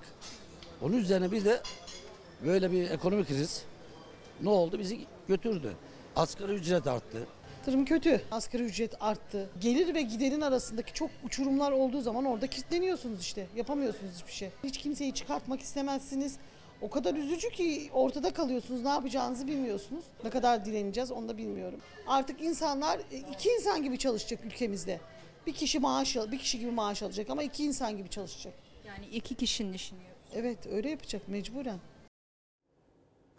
İçimden gelen etiketiyle güne başlamıştık. Hemen sizden gelen birkaç mesajı paylaşmak istiyorum. Maalesef bir ülkenin çöküşünü maddi ve manevi olarak sistemli bir şekilde yok edilişini üzülerek, içim parçalanarak izliyorum. Doğamız, insanımız bu ülke bunu hak etmiyor. Ülkemizde her olanak var. Eksik olan ülkesini, halkını düşünen yöneticiler. 1950'de kurtarmaya gittiğimiz Güney Kore'ye bakınca kahrolmamak elde değil. İnşallah Rabbimin e, Rabbimin e, nihayeti ile bugünlerde geçecek. Tek yapmamız gereken Atatürk'ün ilk 10-15 yılda yaptıklarını örnek almak. Kesinlikle katılıyorum sonuna kadar. Baykaloğulları isimli kullanıcı yazmış. Bir beyefendi görüyorum profilde. Olgun bir beyefendi ve bence tarihi iyi araştırmış bir beyefendi. Çünkü Gazi Mustafa Kemal Atatürk'ün Türkiye Cumhuriyeti'ni e, kurduğu o ilk 10-15 yıllık dönemde öyle bir ekonomi sistemi uygulanmış ki kendi kendine yetebilecek şekilde halkın kendi kendini kalkındırabilecek şekilde karma ekonomik modeline e, yön verilmiş. Ve tabii ki bu model e, köy enstitülerinin olmasıyla birlikte gelişmiş. Eğitimde daha iyi seviyelere gelmiş ve köylümüz kalkınırken sanayimiz de kalkınmış. Sanayimiz kalkınırken e, yeni öğrencilerimiz, yeni tıp insanlarımız e, yetişmiş. Aslında hepsi bir bütün ve bu zincirden ne yazık ki bir tanesi koptuğunda bütün düzen bozuluyor. Tamamen e, ithalata dayalı bir sistemi benimsemiş durumdayız son yıllarda. Ama önemli olan e, ihracata yönelmek ve en başta kendi vatandaşının alım gücünü, kendi vatandaşının refah seviyesini yükseltebilmek. İşte Gazi Mustafa Kemal Atatürk'ün de ekonomi politikalarının, siyasi politikaların içinde bu unsurlar var. Karma ekonomik modeli mutlaka araştırmanızı isterim. Ve Sözcü gazetesinden bir ekonomi yansıması daha. Yıllardan beri diyebilirim artık çünkü pandeminin başından beri bu görüntülere tanıklık ediyoruz. Ee, halk ekmek kuyruklarından bahsediyorum. Askıda ekmek, bayat ekmek satışı, yarım ekmek satışı ne kadar doruklara ulaştığını yoksulluğun gösteren unsurlar. Şimdi Sözcü gazetesinden buna dair bir haber var.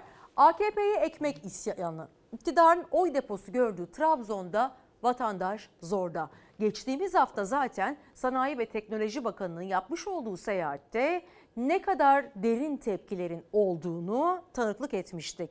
Ekmek fiyatının 8 liraya ulaşması, un çuvalının 500 lirayı görmesi bir vatandaşın tepki göstermesine sebep olmuştu Sayın Bakanımıza.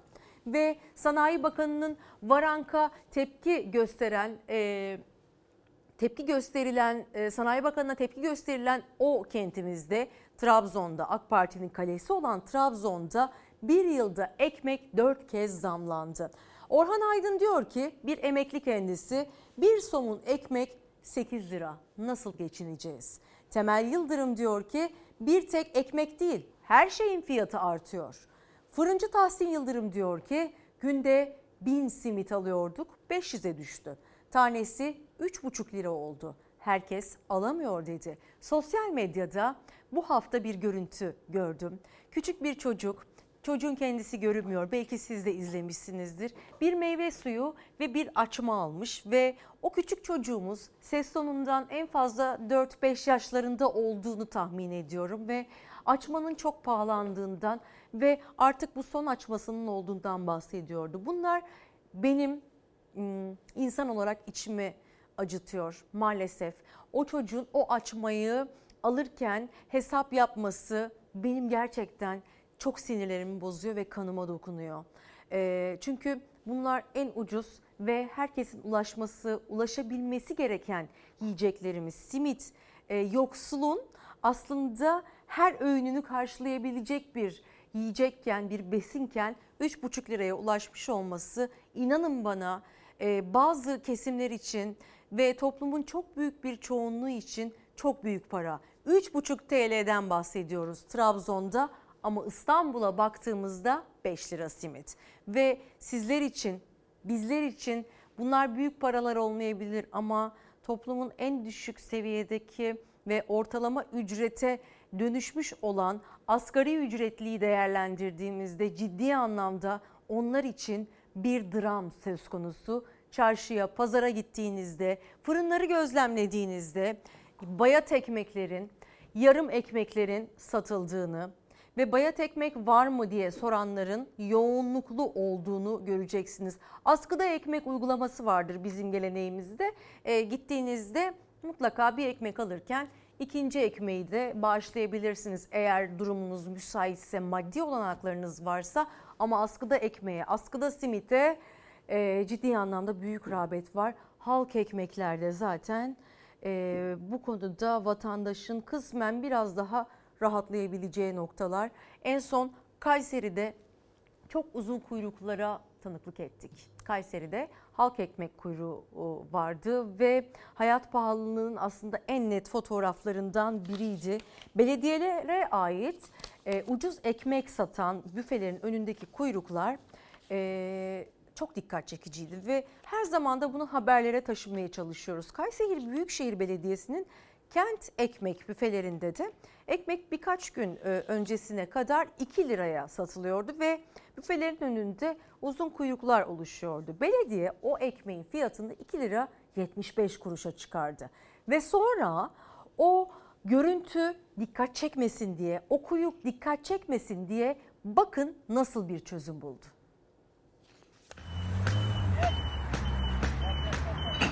Kaldırmışlar. Ben ekmeğe geldim. Haberim yoktu. Geri gidiyorum. Bayramdan evvel vardı. Şimdi bayramdan sonra yok yani. Daha düne kadar ekmek aldıkları önünde yüzlerce metre kuyruk olan belediyeye ait ekmek büfesini yerinde göremeyince vatandaşlar da şaşırdı. AK Partili Kayseri Büyükşehir Belediyesi kentin meydanlarındaki önünde uzun ekmek kuyruğu oluşan ekmek büfelerini kaldırdı. Muhalefete göre nedeni kuyrukları gizlemek. Alışveriş merkezinin önündeki ve Kayseri Büyükşehir Belediyesi'nin önündeki kent ekmek büfelerini de kaldırdılar. Oluşan kuyrukları gizlemeye çalışıyorlar. Erkilat. Yorumsuz. Ekmeğe gelen zamlarla belediyelerin ucuz ekmek satış büfeleri önündeki kuyruklar daha da arttı. Kayseri'de de Kayseri Büyükşehir Belediyesi'nin kent ekmek satış noktalarının önünde bakkalda 3,5 liraya satılan ekmeği 2 liraya almak için yüzlerce kişi saatlerce bekliyordu. Dünya görsün böyle. Dünya görsün dünya. Ne zamandan beri bekliyorsunuz? Abi iki saatten beri bekliyor. E, etmek için. Ekmeğe zam yapmayacağız dediler. Ekmeğe zam da yaptılar. AK Parti'nin %70'in üzerinde oy aldığı Kayseri'de dar gelirlerinin ucuz ekmek kuyruğu sosyal medya ve basına yansıdıktan birkaç gün sonra belediye 2 liradan sattığı ekmeğe zam yaptı. 2 lira 75 kuruşa çıkardı. Şehrin görünür noktalarındaki kent ekmek büfelerini de kaldırdı. Daha önce Cumhuriyet Meydanı'ndaki kent ekmek büfesini oluşan kuyrukları vatandaşlar görmesin diye kaldırmışlardı. Vatandaşın düştüğü hali gizlemeye çalışıyorlar. Kayseri CHP İl Başkanı Ümit Özer, Büyükşehir Belediyesi'nin zamla azaltamadığı kuyruğu gizlemek için büfeleri kaldırdığını söyledi. Kayserililer de şaşkın. Bundan bir hafta önce ben geldim buradan ekmek aldım. Ama iki üç gün önce geldim yine ekmek almaya yerinden kaldırılmış. Allah razı olsun iyi etmişler. Gariban orada bir ekmek alıyordu onu da. Sen buradan alışveriş yapıyor muydun sürekli? Yapıyordum, yapıyordum. Ekmek ne bana alıyordum. Ee, Bir hafta oldu bura kapalı. Et ve Süt Kurumu Genel Müdürü de satış noktaları önündeki kuyrukları azaltmak için ete zam yaptıklarını açıklamış görevden alınmıştı. Muhalefetin kuyrukları gizlemek için ekmek büfelerini kaldırıyor dediği Kayseri Büyükşehir Belediye Başkanı Memduh Büyükkılıç bir açıklama yapmadı. Yapılan açıklamaların saçmalıkta birbiriyle yarıştığını geçirdiğimiz bir e, dönemdeyiz bana kalırsa. Gizleyerek hiçbir problemi unutturamazsınız. E, En azından yönetici olan yetkililerin bunu bilmesi ve algılaması gerekiyor. O vatandaş yarın öbür gün sandıkta oy vermeye gittiğinde bu yapılanları da unutmayacaktır diye düşünüyorum. Sizden gelen mesajlardan biri Ayfer Hanım diyor ki Ayfer Mert Bilek. Müteahhit 100 metrekare eve 1400 1 milyon 440 e, bin TL istedi. Biz İzmirli depremzedelerin yaşadığı çaresizliği bir düşünün. Bu fiyatlar emekli maaşıyla nasıl ödenir? Hisselerimiz 3 kuruşa müteahhitlere gidecek diyor. İzmir depremzedeleri çok zor durumdalar. Onların e, sıkıntısını buradan atlamak istemiyorum. Çünkü evleri yıkıldığı için, hasar gördüğü için yeniden e, kentsel dönüşüme girmesi gerekiyor ve ekstra bir ücret ödeyecek durumda değiller ve pek çok e, depremzede eşyalarını, özel eşyalarını dahi alamadı evinden ve kentsel dönüşümle müteahhitlerle aracılığıyla evlerine kavuşma durumları var. Ama eğer parası varsa, parasını ödeyebiliyorsa bir depremzedenin barınma e, ihtiyacını devletin karşılaması gerektiğini düşünüyorum. Konutların yapılması gerekiyordu ve üzerinden çokça yıl geçmiş olmasına rağmen maalesef insanlarımız halen mağdur. Üstelik bununla alakalı bağlantılı bir haber daha var. Öğrencilerimiz Eylül ayında okula başlayacak ve pek çok öğrencimizin eğitim gördüğü okulların kentsel dönüşüme girmesi gerekiyordu. Bazı okullar yıkıldı ve yenilenme çalışmaları, yenileme çalışmaları da başladı.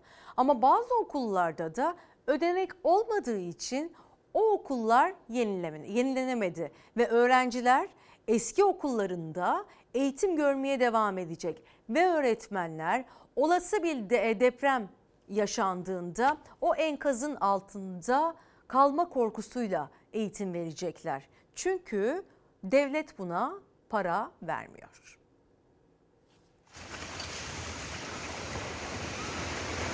Yıkılan binalar var. Şimdi bizim gördüğümüz bu. Onun üzerinde okulun ihalesinin iptal edildiği haberleri var.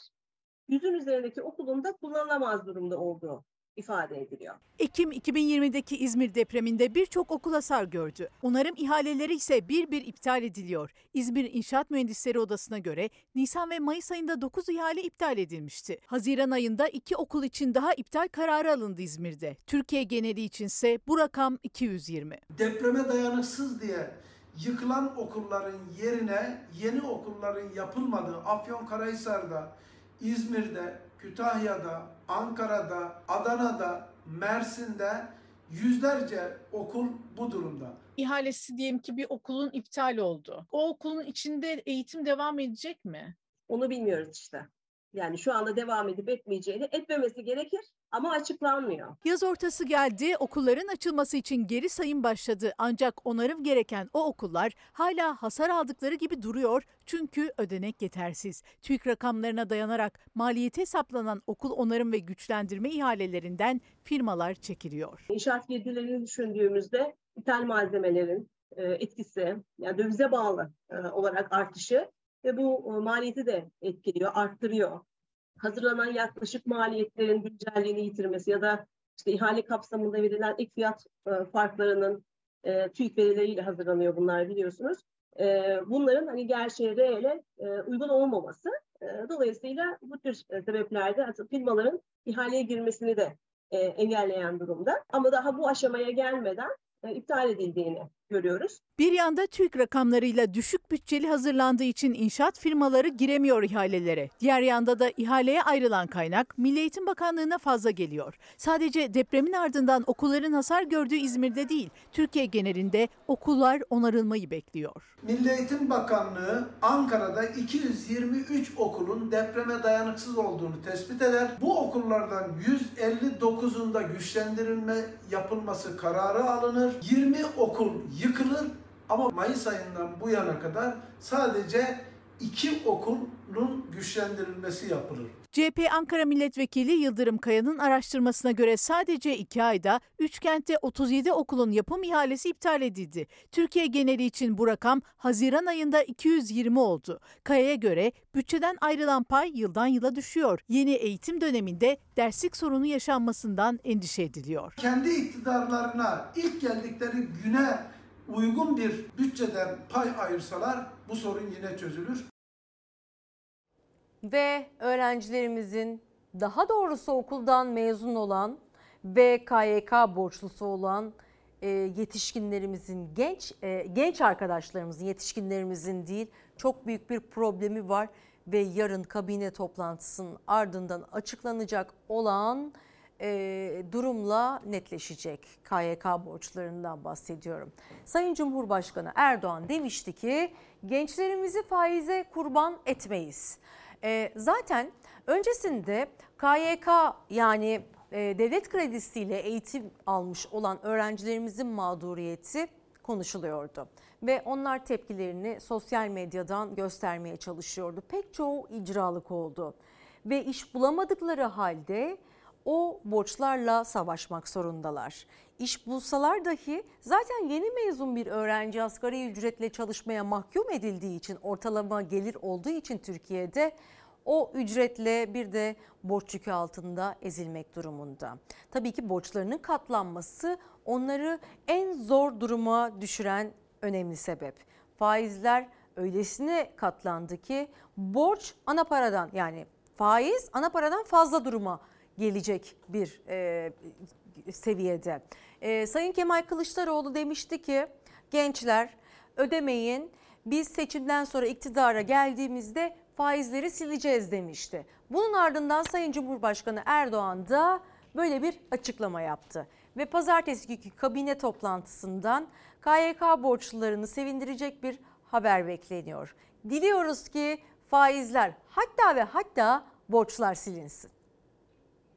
Kemal çıkmış üniversiteli gençlerimizin KYK ile ilgili aldıkları burslarla ilgili faiz yükü bindiriyormuşuz. Gençlere sesleniyorum. Faizli KYK borçlarını ödemeyin. Bir sene içinde iktidara geliyoruz. Sözünü verdiğim gibi sizden sadece ana para talep edilecek. O da iş bulduğunuzda. Biz gençlerimizi faize kurban etmeyiz. Hatta hatta daha ileri gidiyorum. Enflasyona da kurban etmeyiz. Biz projeleri üretiyoruz. Kendilerine söylüyoruz. Önce kaynak yok diye bar bar bağırıyorlar. Sonra dediğimize geliyorlar. Muhalefet uzun süredir dillendiriyordu iktidar değişiminde KYK borçlusu gençlerin faizlerinin silineceğini. Kılıçdaroğlu'nun son çıkışından günler sonra Cumhurbaşkanı da düzenleme yapılacağını söyledi. Bu konuyla ilgili açıklamayı kabine toplantımızdan sonra yapacağız. Ben toplamda 27.664 lira gibi bir para aldım büfe vuracak. Borcum 86 bin, 80 bin civarı bir şeye çıkacak. 5,5 milyon KYK borcu olan genç var Türkiye'de. Toplam borç miktarı da 5,5 milyar lira. Borçlu sayısına bu yıl 250 bin mezun daha eklenecek. Üniversite mezunu gençlerin okurken aldıkları öğrenim kredi borçları her yıl üfe oranında yeniden hesaplanıyor. Bu sene yıllık %138'i aşan yıllık üfe o borçları daha da katladı. 32 bin lira öğrenim kredisi alan bir üniversite öğrencisi 68 bin lira faiz ödemek durumunda kalıyor. Aldığı 32 bin lira karşılığında da ödeyeceği para tam 100 bin lira. 5,5 milyondan fazla gencin KYK borcunu silebileceğini düşünüyoruz. Biz gençlerimizi faize kurban etmeyiz. Biz çalışmamızı yapıyoruz ve kabine toplantımızdan sonra da gerekli açıklamayı yapacağız. Faizi milletin üzerinden silindir gibi geçirdiniz. Şimdi gençleri faize ezdirmeyecek. Bakın göreceksiniz bu kararı da çıkarsınlar. Onda da yine bir sürü eksik yedik olacak. Kılıçdaroğlu'nun iktidara geldiğimizde KYK borçlarını faizlerini sileceğiz vaadinden sonra önce Gençlik ve Spor Bakanı düzenleme yapılacağını söylemişti. Şimdi de Erdoğan konuştu. Ama düzenlemenin detayına girmedi. Kulislere göre Hazine Bakanlığı'nın yaptığı çalışmada ana paradan taviz yok. Üretici enflasyonu oranında ana paraya eklenen miktarın silinmesi ya da belli oranda indirim yapılması formülü masada. Tabii faiz e, en çok gündemimizde olan kelime. Uzun zamandan beri faiz politikalarını tartışıyoruz. Çünkü politika faizi her ne kadar düşük olsa da tüketici kredileri ve borç e, meselesinde yüksek faiz oranlarıyla mücadele etmek durumunda kalıyor vatandaş. E, o yüzden de bu ne perhiz, bu ne lahana turşusu diyenler var efendim. Çünkü önemli olan politika faizi değil. Yani vatan, tabii ki hepsi önemli ama vatandaş cephesinden baktığımızda tüketici kredilerinin faizi, konut kredilerinin faizi, e, taşıt kredilerinin faizi gibi konular önemli olan. Yani bizim bütçelerimizi rahatlatacak olan e, kredi faizlerinin düşük olması bu noktada da aslında Sayın Cumhurbaşkanı Erdoğan ve Nebati'nin çelişen cümleleri var. Bunu da atlamış olmayalım. Ve Korkusuz Gazetesi'nden bir başka ekonomi yansıması. Verdik yetkiyi, gördük iflası. 4 yılda 480 bin esnaf, 248 bin şirket kapısına kilit vurdu. Erdoğan Cumhurbaşkanlığı hükümet sistemine geçilmeden önce siz bu kardeşinize yetkiyi verin, ondan sonra faizle şunla bunla nasıl uğraşılır göreceksiniz demişti. İflas eden esnaf ve şirket sahipleri başlıktaki gibi diyor. Her 10 otomobil sahibinden 9'u zamlı akaryakıt yüzünden aracını kullanamıyormuş. Bir yılda tam %120'nin üzerinde arttı akaryakıt fiyatları ve bu da arabaların kullanılmamasının önünü açtı. Parlamenter sistemin son bulduğu o tarih 9 Temmuz 2018'den bu yana tam 479.736 esnaf kepenk kapattı ve Mayıs'ta toplam iflas sayısı 8322 iken iflas sayısı sadece son bir ayda %30 artarak Haziran'da 10.826'ya yükseldi. CHP'li Veli Baba da şöyle söyledi. Başkanlık sistemi 4 yıl önce daha zenginlik ve refah olarak sunuldu ama derinleşen ekonomik kriz nedeniyle refah ve zenginliğin yerine artan iflaslar aldı. Başkanlık sistemi adeta küçük esnafın da sonunu getirdi. Halk verdi yetkiyi, gördü etkiyi. E, son zamanlarda daha doğrusu altılı ittifakın üzerinde durduğu ve seçim hazırlığı olarak nitelendirdiği en önemli konu güçlendirilmiş parlamenter sistem. Bu sistemle alakalı çok büyük sorunlar var. Zaten bunu da bu yansımalarda görebiliyoruz. Ama iktidarın e, isteğinin yanı sıra e, muhalefet parti liderlerinin amacı güçlendirilmiş parlamenter sistem. Tabii ki eski sistemi revize ederek üzerine yeni şeyler ekleyerek ve eksikleri gidererek bunu hayata geçirmek istiyorlar. Belli ki ekonomik kriz 2018'den bu yana bu noktalara geldiyse sistem işlemiyor efendim. Şimdi madem ki ekonomi dedik, madem ki sistem tartışıyoruz, öyleyse gidelim Cumhurbaşkanı Erdoğan'ın yine Saraçhane'de yapmış olduğu açıklamalara. E, gündeminde tabii ki enflasyon ve faiz de vardı. Faizin en büyük düşmanı biziz dedi Sayın Cumhurbaşkanı Erdoğan. Muhalefet hazinenin faiz ödemelerini bankalardaki faiz ödene, e, ödemelerini hatırlatarak yanıt verdi. Ve sonrasında derin yaramıza da bir kez daha parmak basılmış oldu.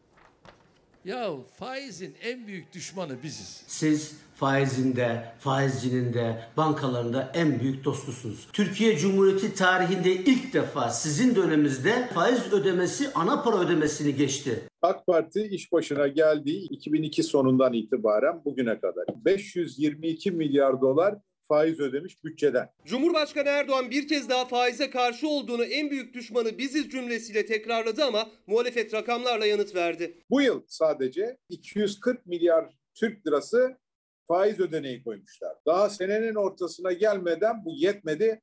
Üzerine bunun ilave bir 89 milyar Türk lirası daha aldı. Bir de faizin dostu olsalardı acaba ne olacak? Şundan emin olunuz ki omuzlarımıza binen hiçbir yük kalıcı değildir. Hiçbir sorunumuz çözümsüz değildir. CDS oranları sizin döneminizde 900'e çıktı. Bunun anlamı nedir biliyor musunuz? Ortalama bir ülke %1 ile 2 ile borçlanırken biz onun 9 puan üzerinde borçlanıyoruz. Kardeşinize yetkiyi verin. Ha, ondan sonra bu faizle, şunla bunla nasıl uğraşılır göreceğiz. Politika faizini %14'e düşürdünüz. Şu anda bankalar %14 ile Merkez Bankası'ndan borçlanıyor. Aynı parayı %25 ile 26 ile götürüyor hazineye satıyor. Götürüyor %40 ile 50 ile vatandaşa satıyor.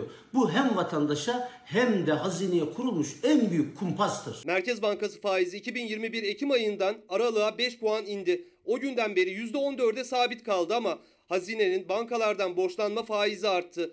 Bireysel müşteriler için banka faizleri katlandı. Türkiye'nin yurt dışı borçlanma faizi de faiz düşerse enflasyon da düşer tezine rağmen enflasyon da son 20 yılın zirvesinde. Hayat pahalılığı başta olmak üzere elbette insanlarımızı sıkıntıya düşüren gelişmeler yaşıyoruz.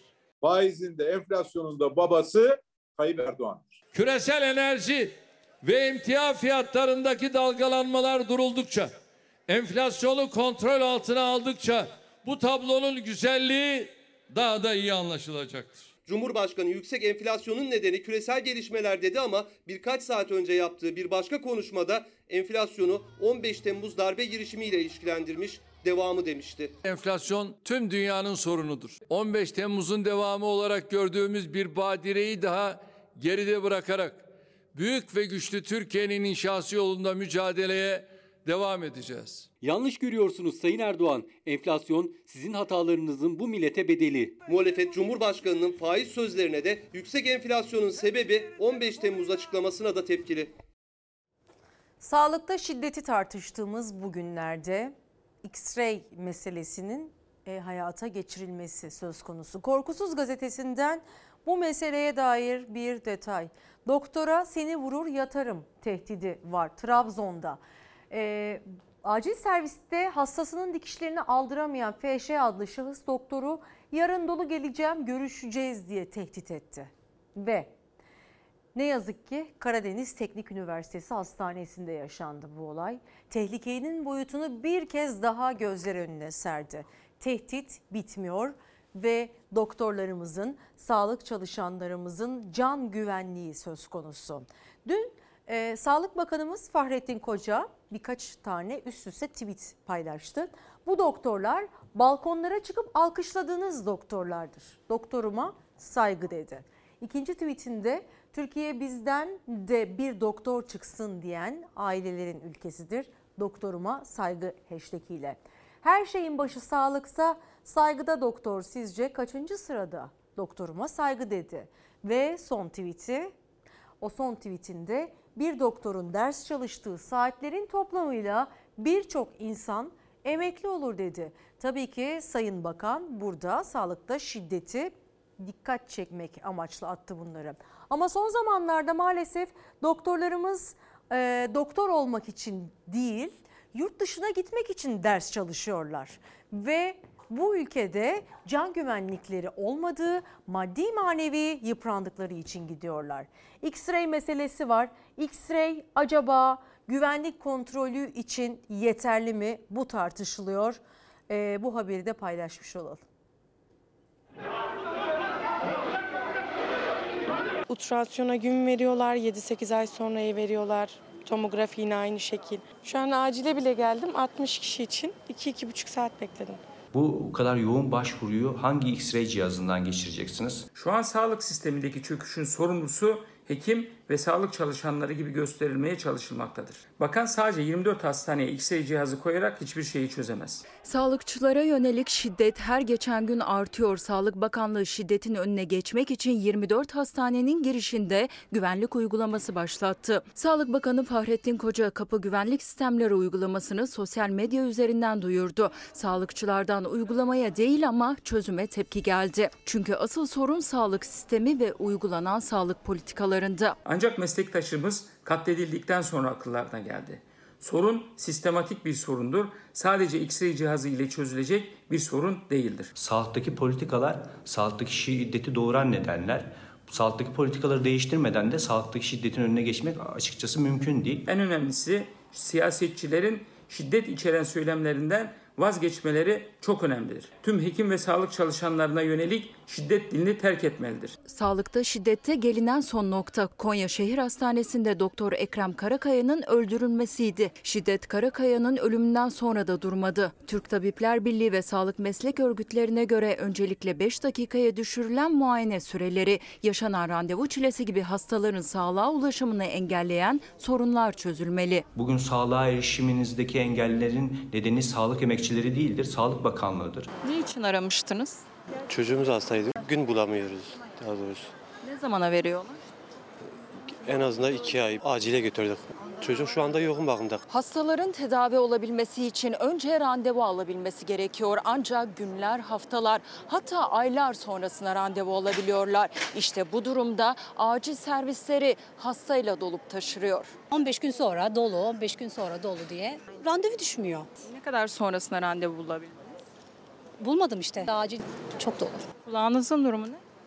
Kulağım bir tanesinden duymuyorum. Hastalar randevu alamayınca çaresizce acillere yöneliyor. Ama acil servislerde o yoğunluğu kaldıramıyor. Sağlıkçılar şiddetin X-ray geçişlerinde değil, sağlık sisteminin çözümüyle önlenebileceğini söylüyor. Bu sefer randevu alamayan hastalar acil servislere başvuruyor.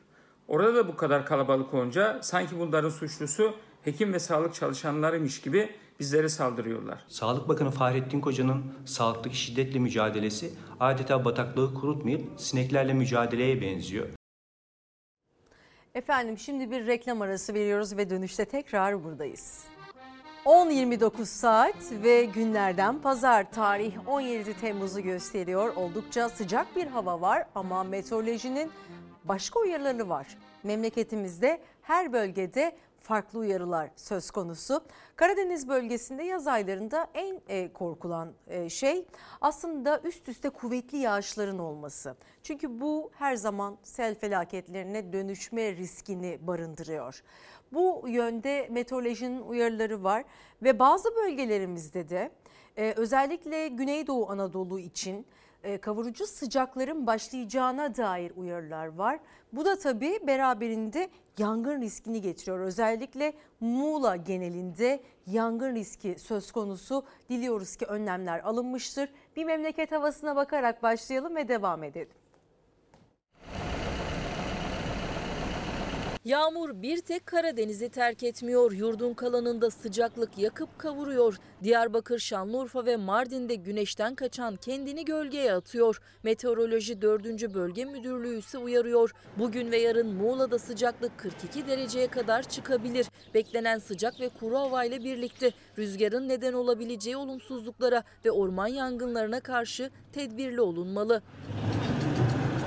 Karadeniz yağmurla ıslanırken Mardin Kızıltepe'de sıcaklık 50 dereceyi buldu. Gölgede 46 derece ölçülen sıcaklık dışarı çıkmak zorunda olanlara nefes aldırmadı. Şanlıurfa'da termometreler 42 dereceyi gösterdi. Sıcak hava bunalttı. Halk çeşme başlarında, yeşil alanlarda, ağaç gölgesinde serinlemeye çalıştı. Diyarbakır'da da sıcaklık ve serinleme yöntemleri aynıydı. Sıcaklığın 40 derece ölçüldüğü Antalya'da dünya ünlü Konyaaltı sahilinde tatil yoğunluğu devam etti. Sıcağa çıkmak istemeyenler ağaçların gölgeliklerinde serinledi. Bazı tatilcilerse Akdeniz'in mavi sularında kulaç attı. Bazıları ise şemsiye altında şezlongda dinlenmeyi tercih etti.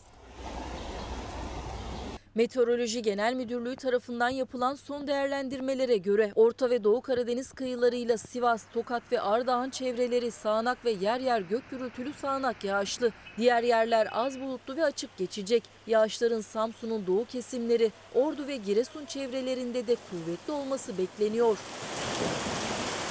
Bugün ve yarın Ege kıyıları rüzgarlı. İç Anadolu'da da rüzgarlı olacak yarın hava ancak hava sıcaklığında bir değişiklik yaşanmayacak. Özellikle Güney ve Doğu Anadolu ile Akdeniz ve Ege kıyılarında sıcaklık diğer bölgelere göre daha fazla olacak.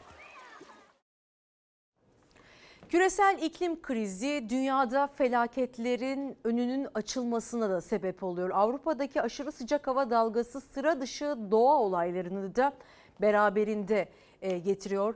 Kırmızı alarmla bir uyarı var dünyada. İşte küresel iklim krizinin sebep olduğu değişiklikler.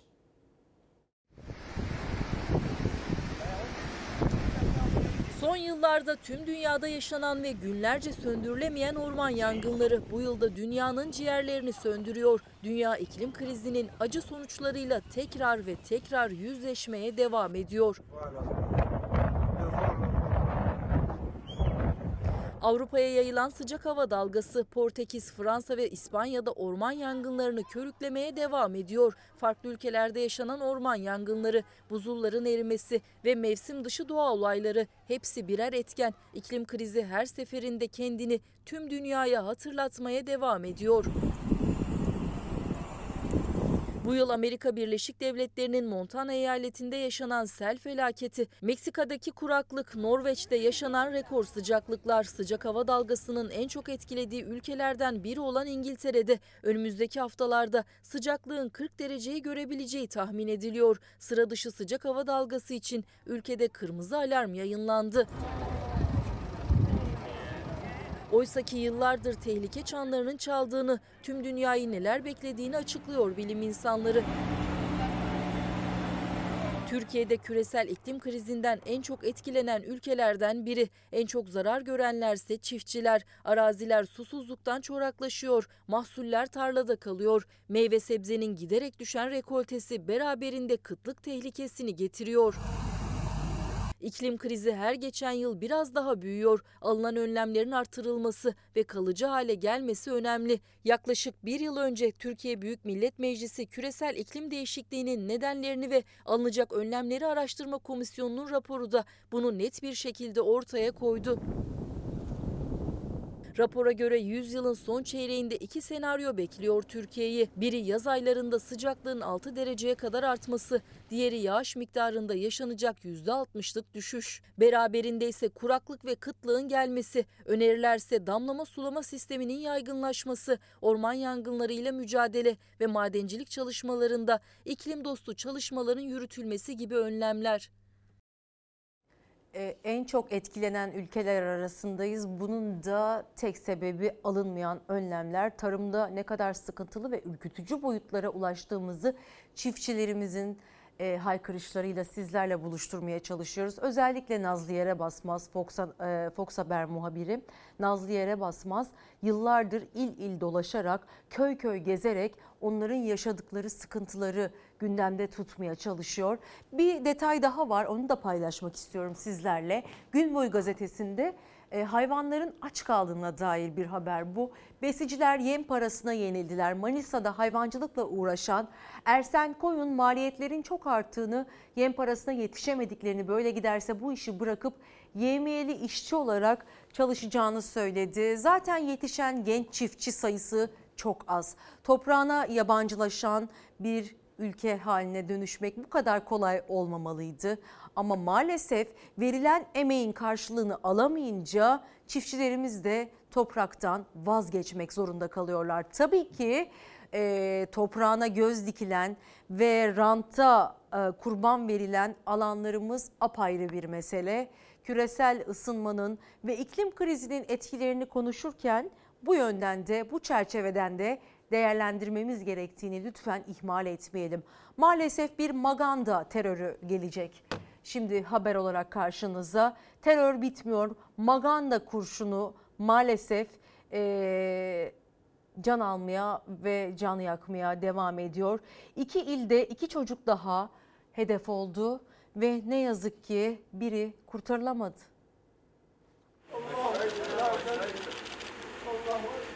Maganda kabusu son bulmuyor. Karaman'da 4 yaşındaki çocuk salıncakta sallanırken Gaziantep'te 8 yaşındaki Muhammed sokakta oynarken maganda kurşununun hedefi oldu. Oğlumun yaşı 8 yaşında. Benim ellerimde can verdi oğlum benim ellerimde. 8 yaşındaki Muhammed Hüseyin sokakta iki grup arasında çıkan silahlı kavganın arasında kaldı. Çocuk karnına isabet eden saçmalarla hayatını kaybetti. Bunların en yüksek cezalarını versinler. Muhammed gözyaşları arasında toprağa verildi. Kavgaya karışan 5 kişi ise gözaltına alındı. 4'ü serbest bırakıldı, biri tutuklandı.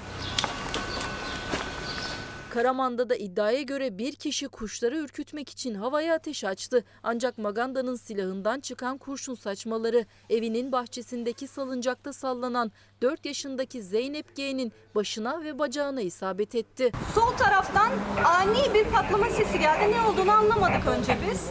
Sonra e, çocuk kafan dedi ve kafası kanamaya başladı. Tedavi altına alınan çocuğun sağlık durumu neyse ki iyi. Tüfekle çocuğun yaralanmasına yol açan Übey ise gözaltına alındı. Bu noktada bireysel silahlanmayla alakalı gelişmeleri takip etmek şart. 2021 yılında bireysel silahlama kapsamı genişletilmişti ve ateşli silahlar yönetmeliği tam 19. kez ne yazık ki değiştirildi ve devlet ruhsatlı silah alabileceklerin sayısını artırdı ülkemizde.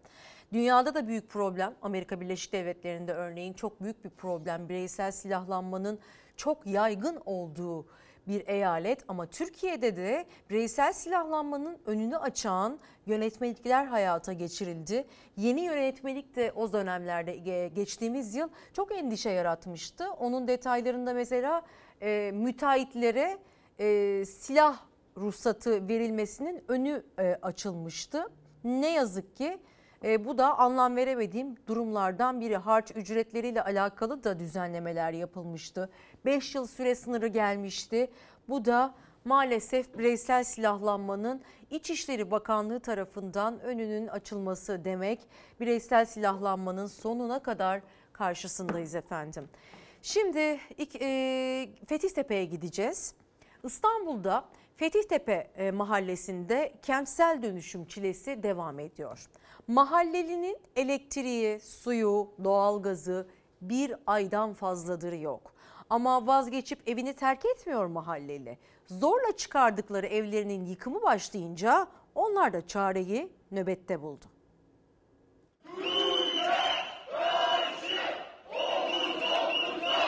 İnsanları kandırarak evlerinden çıkartmaya çalışıyorlar. Tek taraflı bir mukavemetname imzalatmaya çalışıyorlar. Bir aydır dayandık. Elektrik yok, su yok, doğalgaz yok. Yani hasta mı olalım? Ne yapalım ya? Ne istiyorsun? Yıllardır yaşadığı evini istemese de terk edip gitmek zorunda kaldı. Çünkü Beyoğlu Belediyesi kentsel dönüşüm gerekçesiyle yaşamın devam ettiği Fethiyetepe mahallesine bir aydan fazladır ne su veriyor, ne elektrik, ne de doğalgaz. 900'e yakın hane için Bayram susuz, elektriksiz geçti. Zorla çıkartıldıkları evlerinin yıkımı başlayınca son çare çadır kurmak zorunda kaldı Fethiyetepe sakinleri.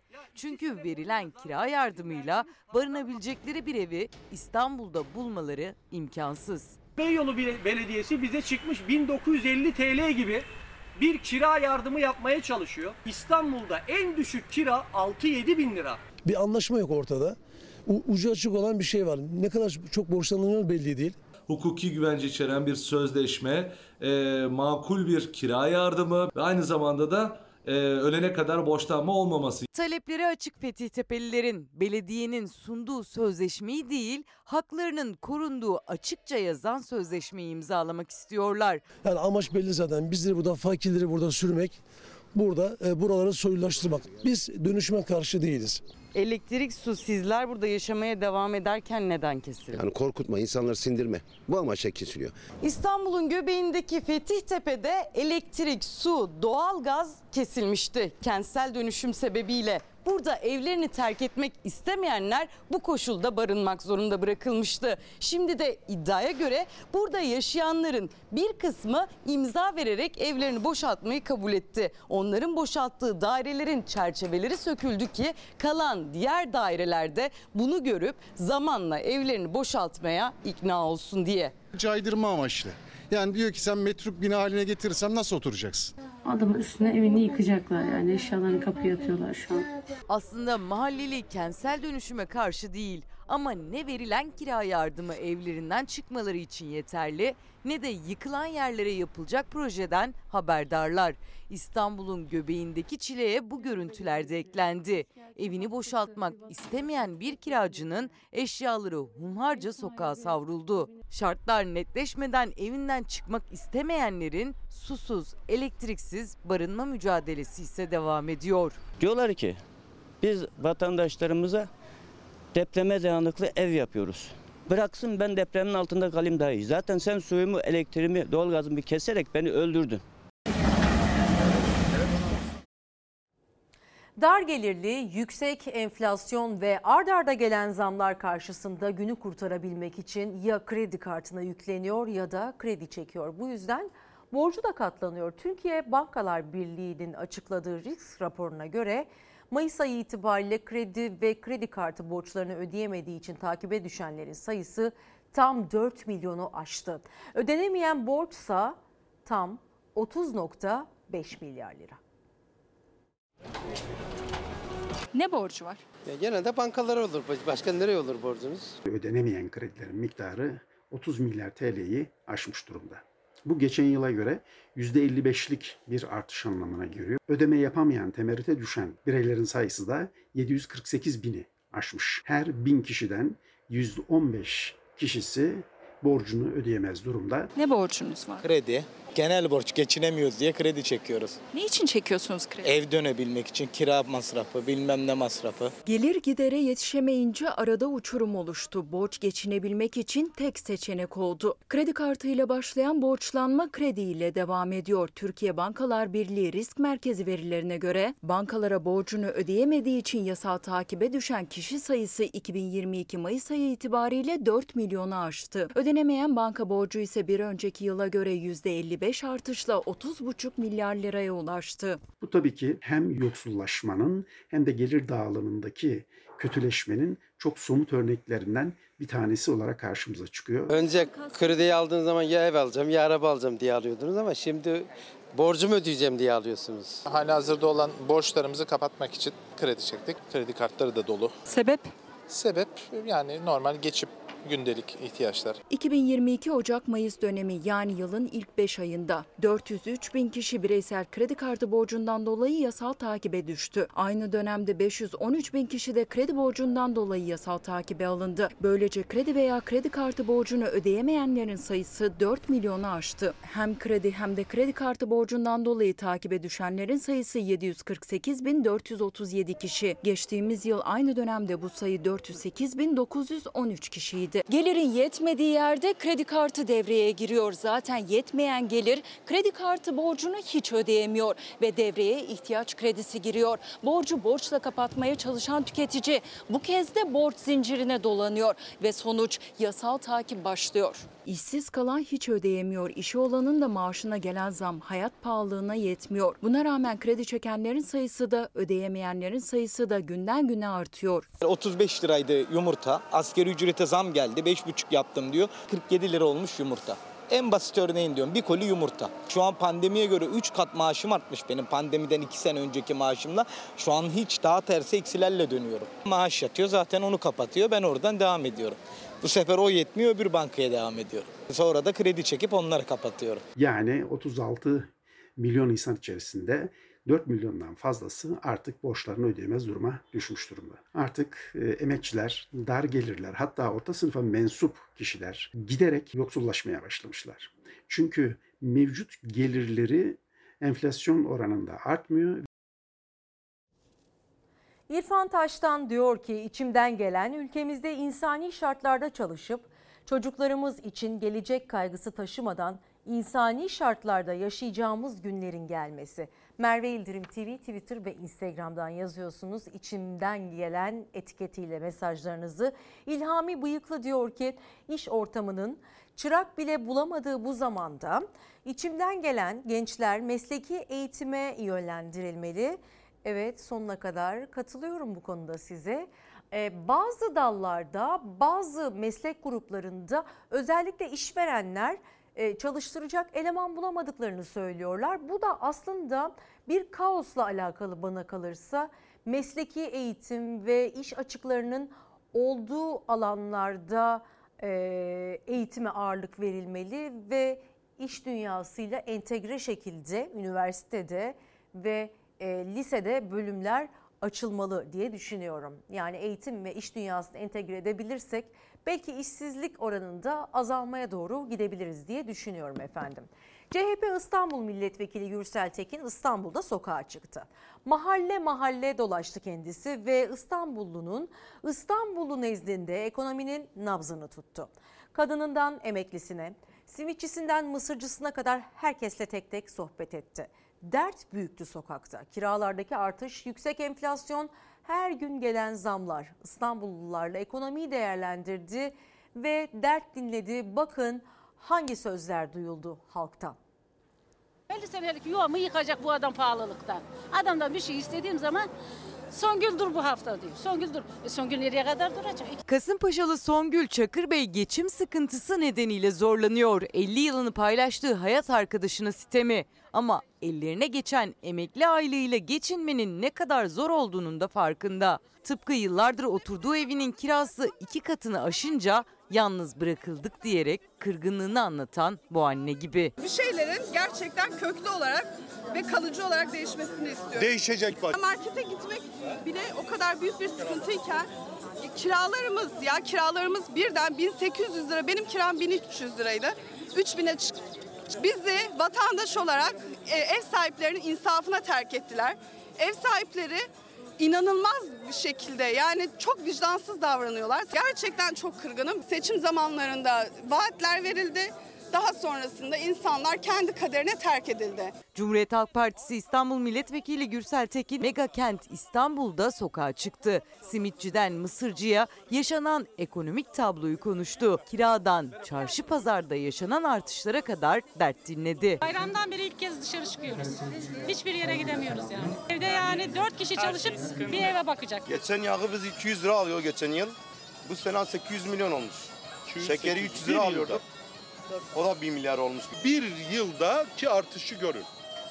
E şimdi TÜİK ben size soruyorum. Yani Allah aşkına ya 200 liradan 800 lira en önemli tüketim maddesi.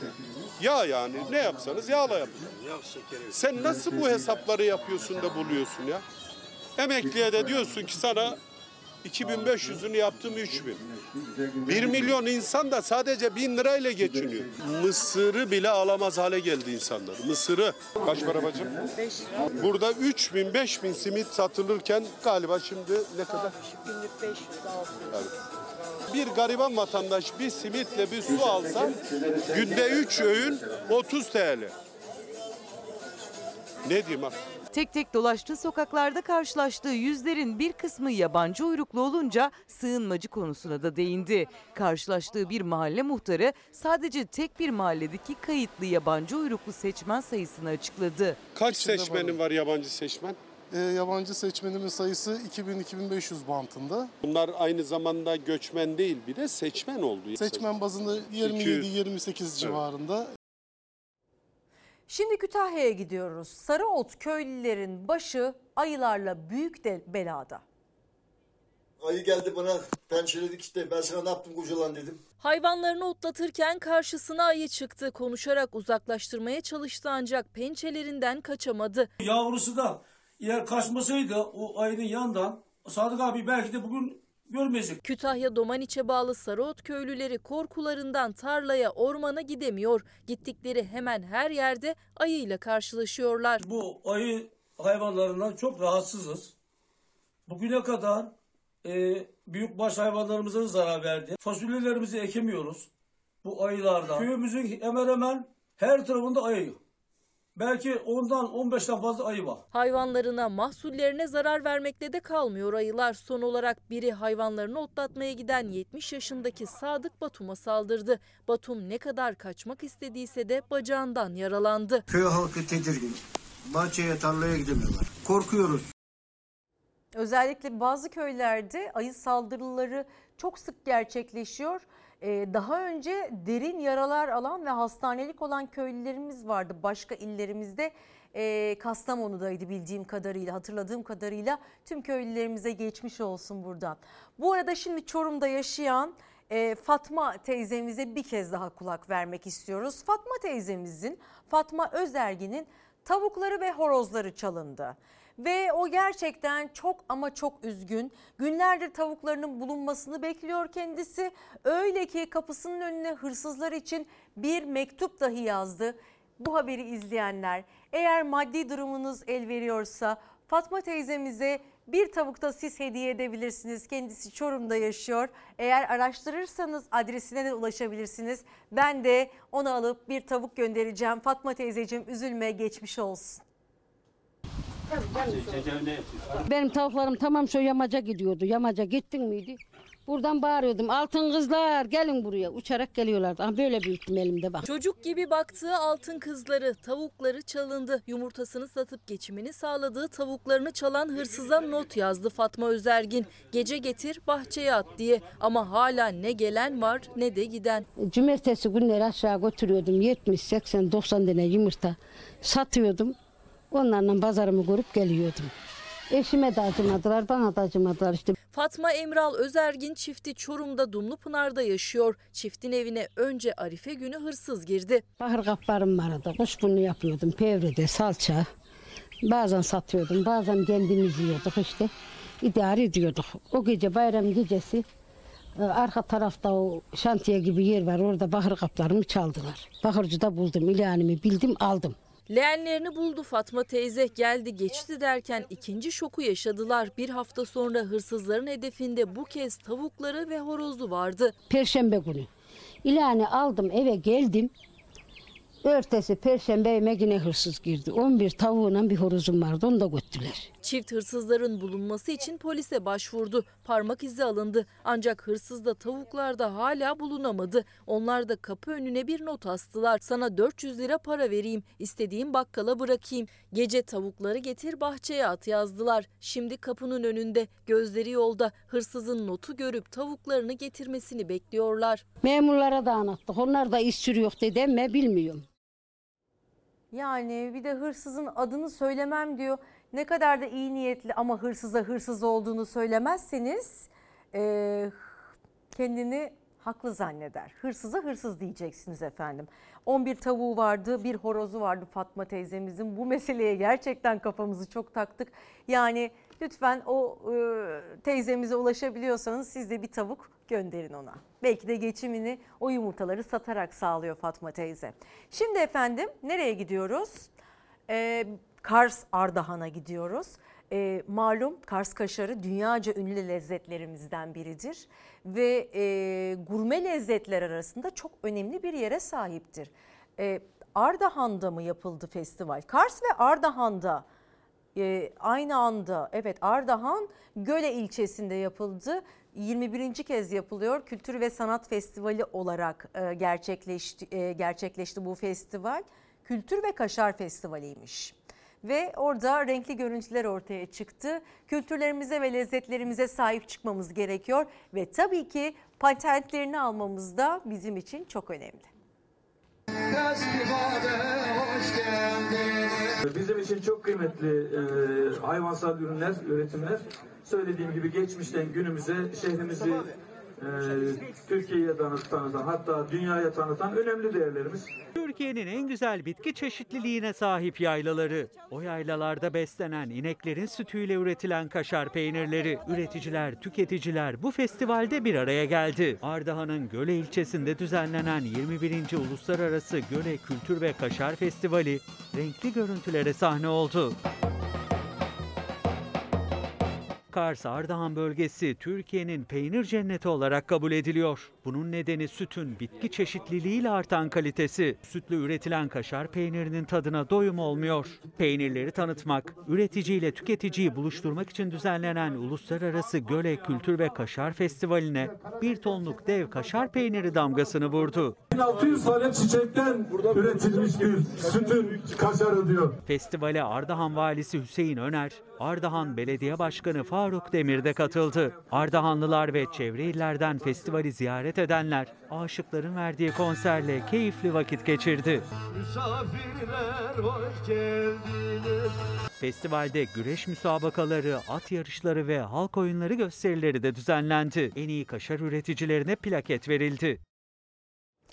Efendim şimdi kulaklarımızın pasını silme vakti. Minik Serçe'den efsane bir şarkı geliyor. Geri dön. Alışırım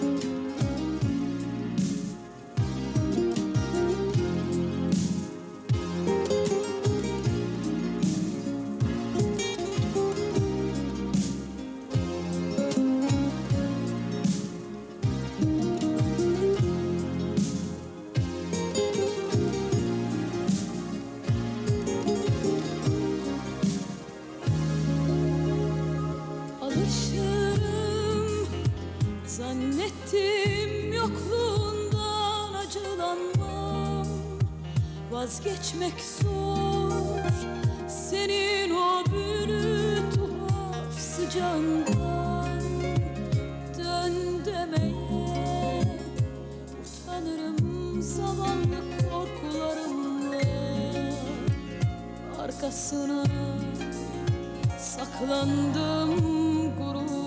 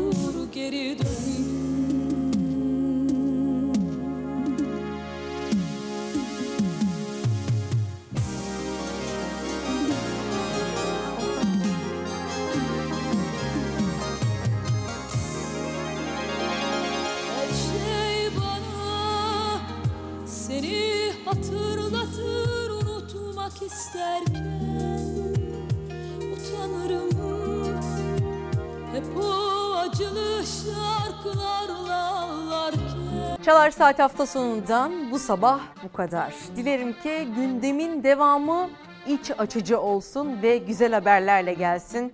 Kendinize iyi bakın, sevgi ve saygıyla kalın. Güzel bir gün diliyorum efendim. Haftaya tekrar görüşmek ümidiyle.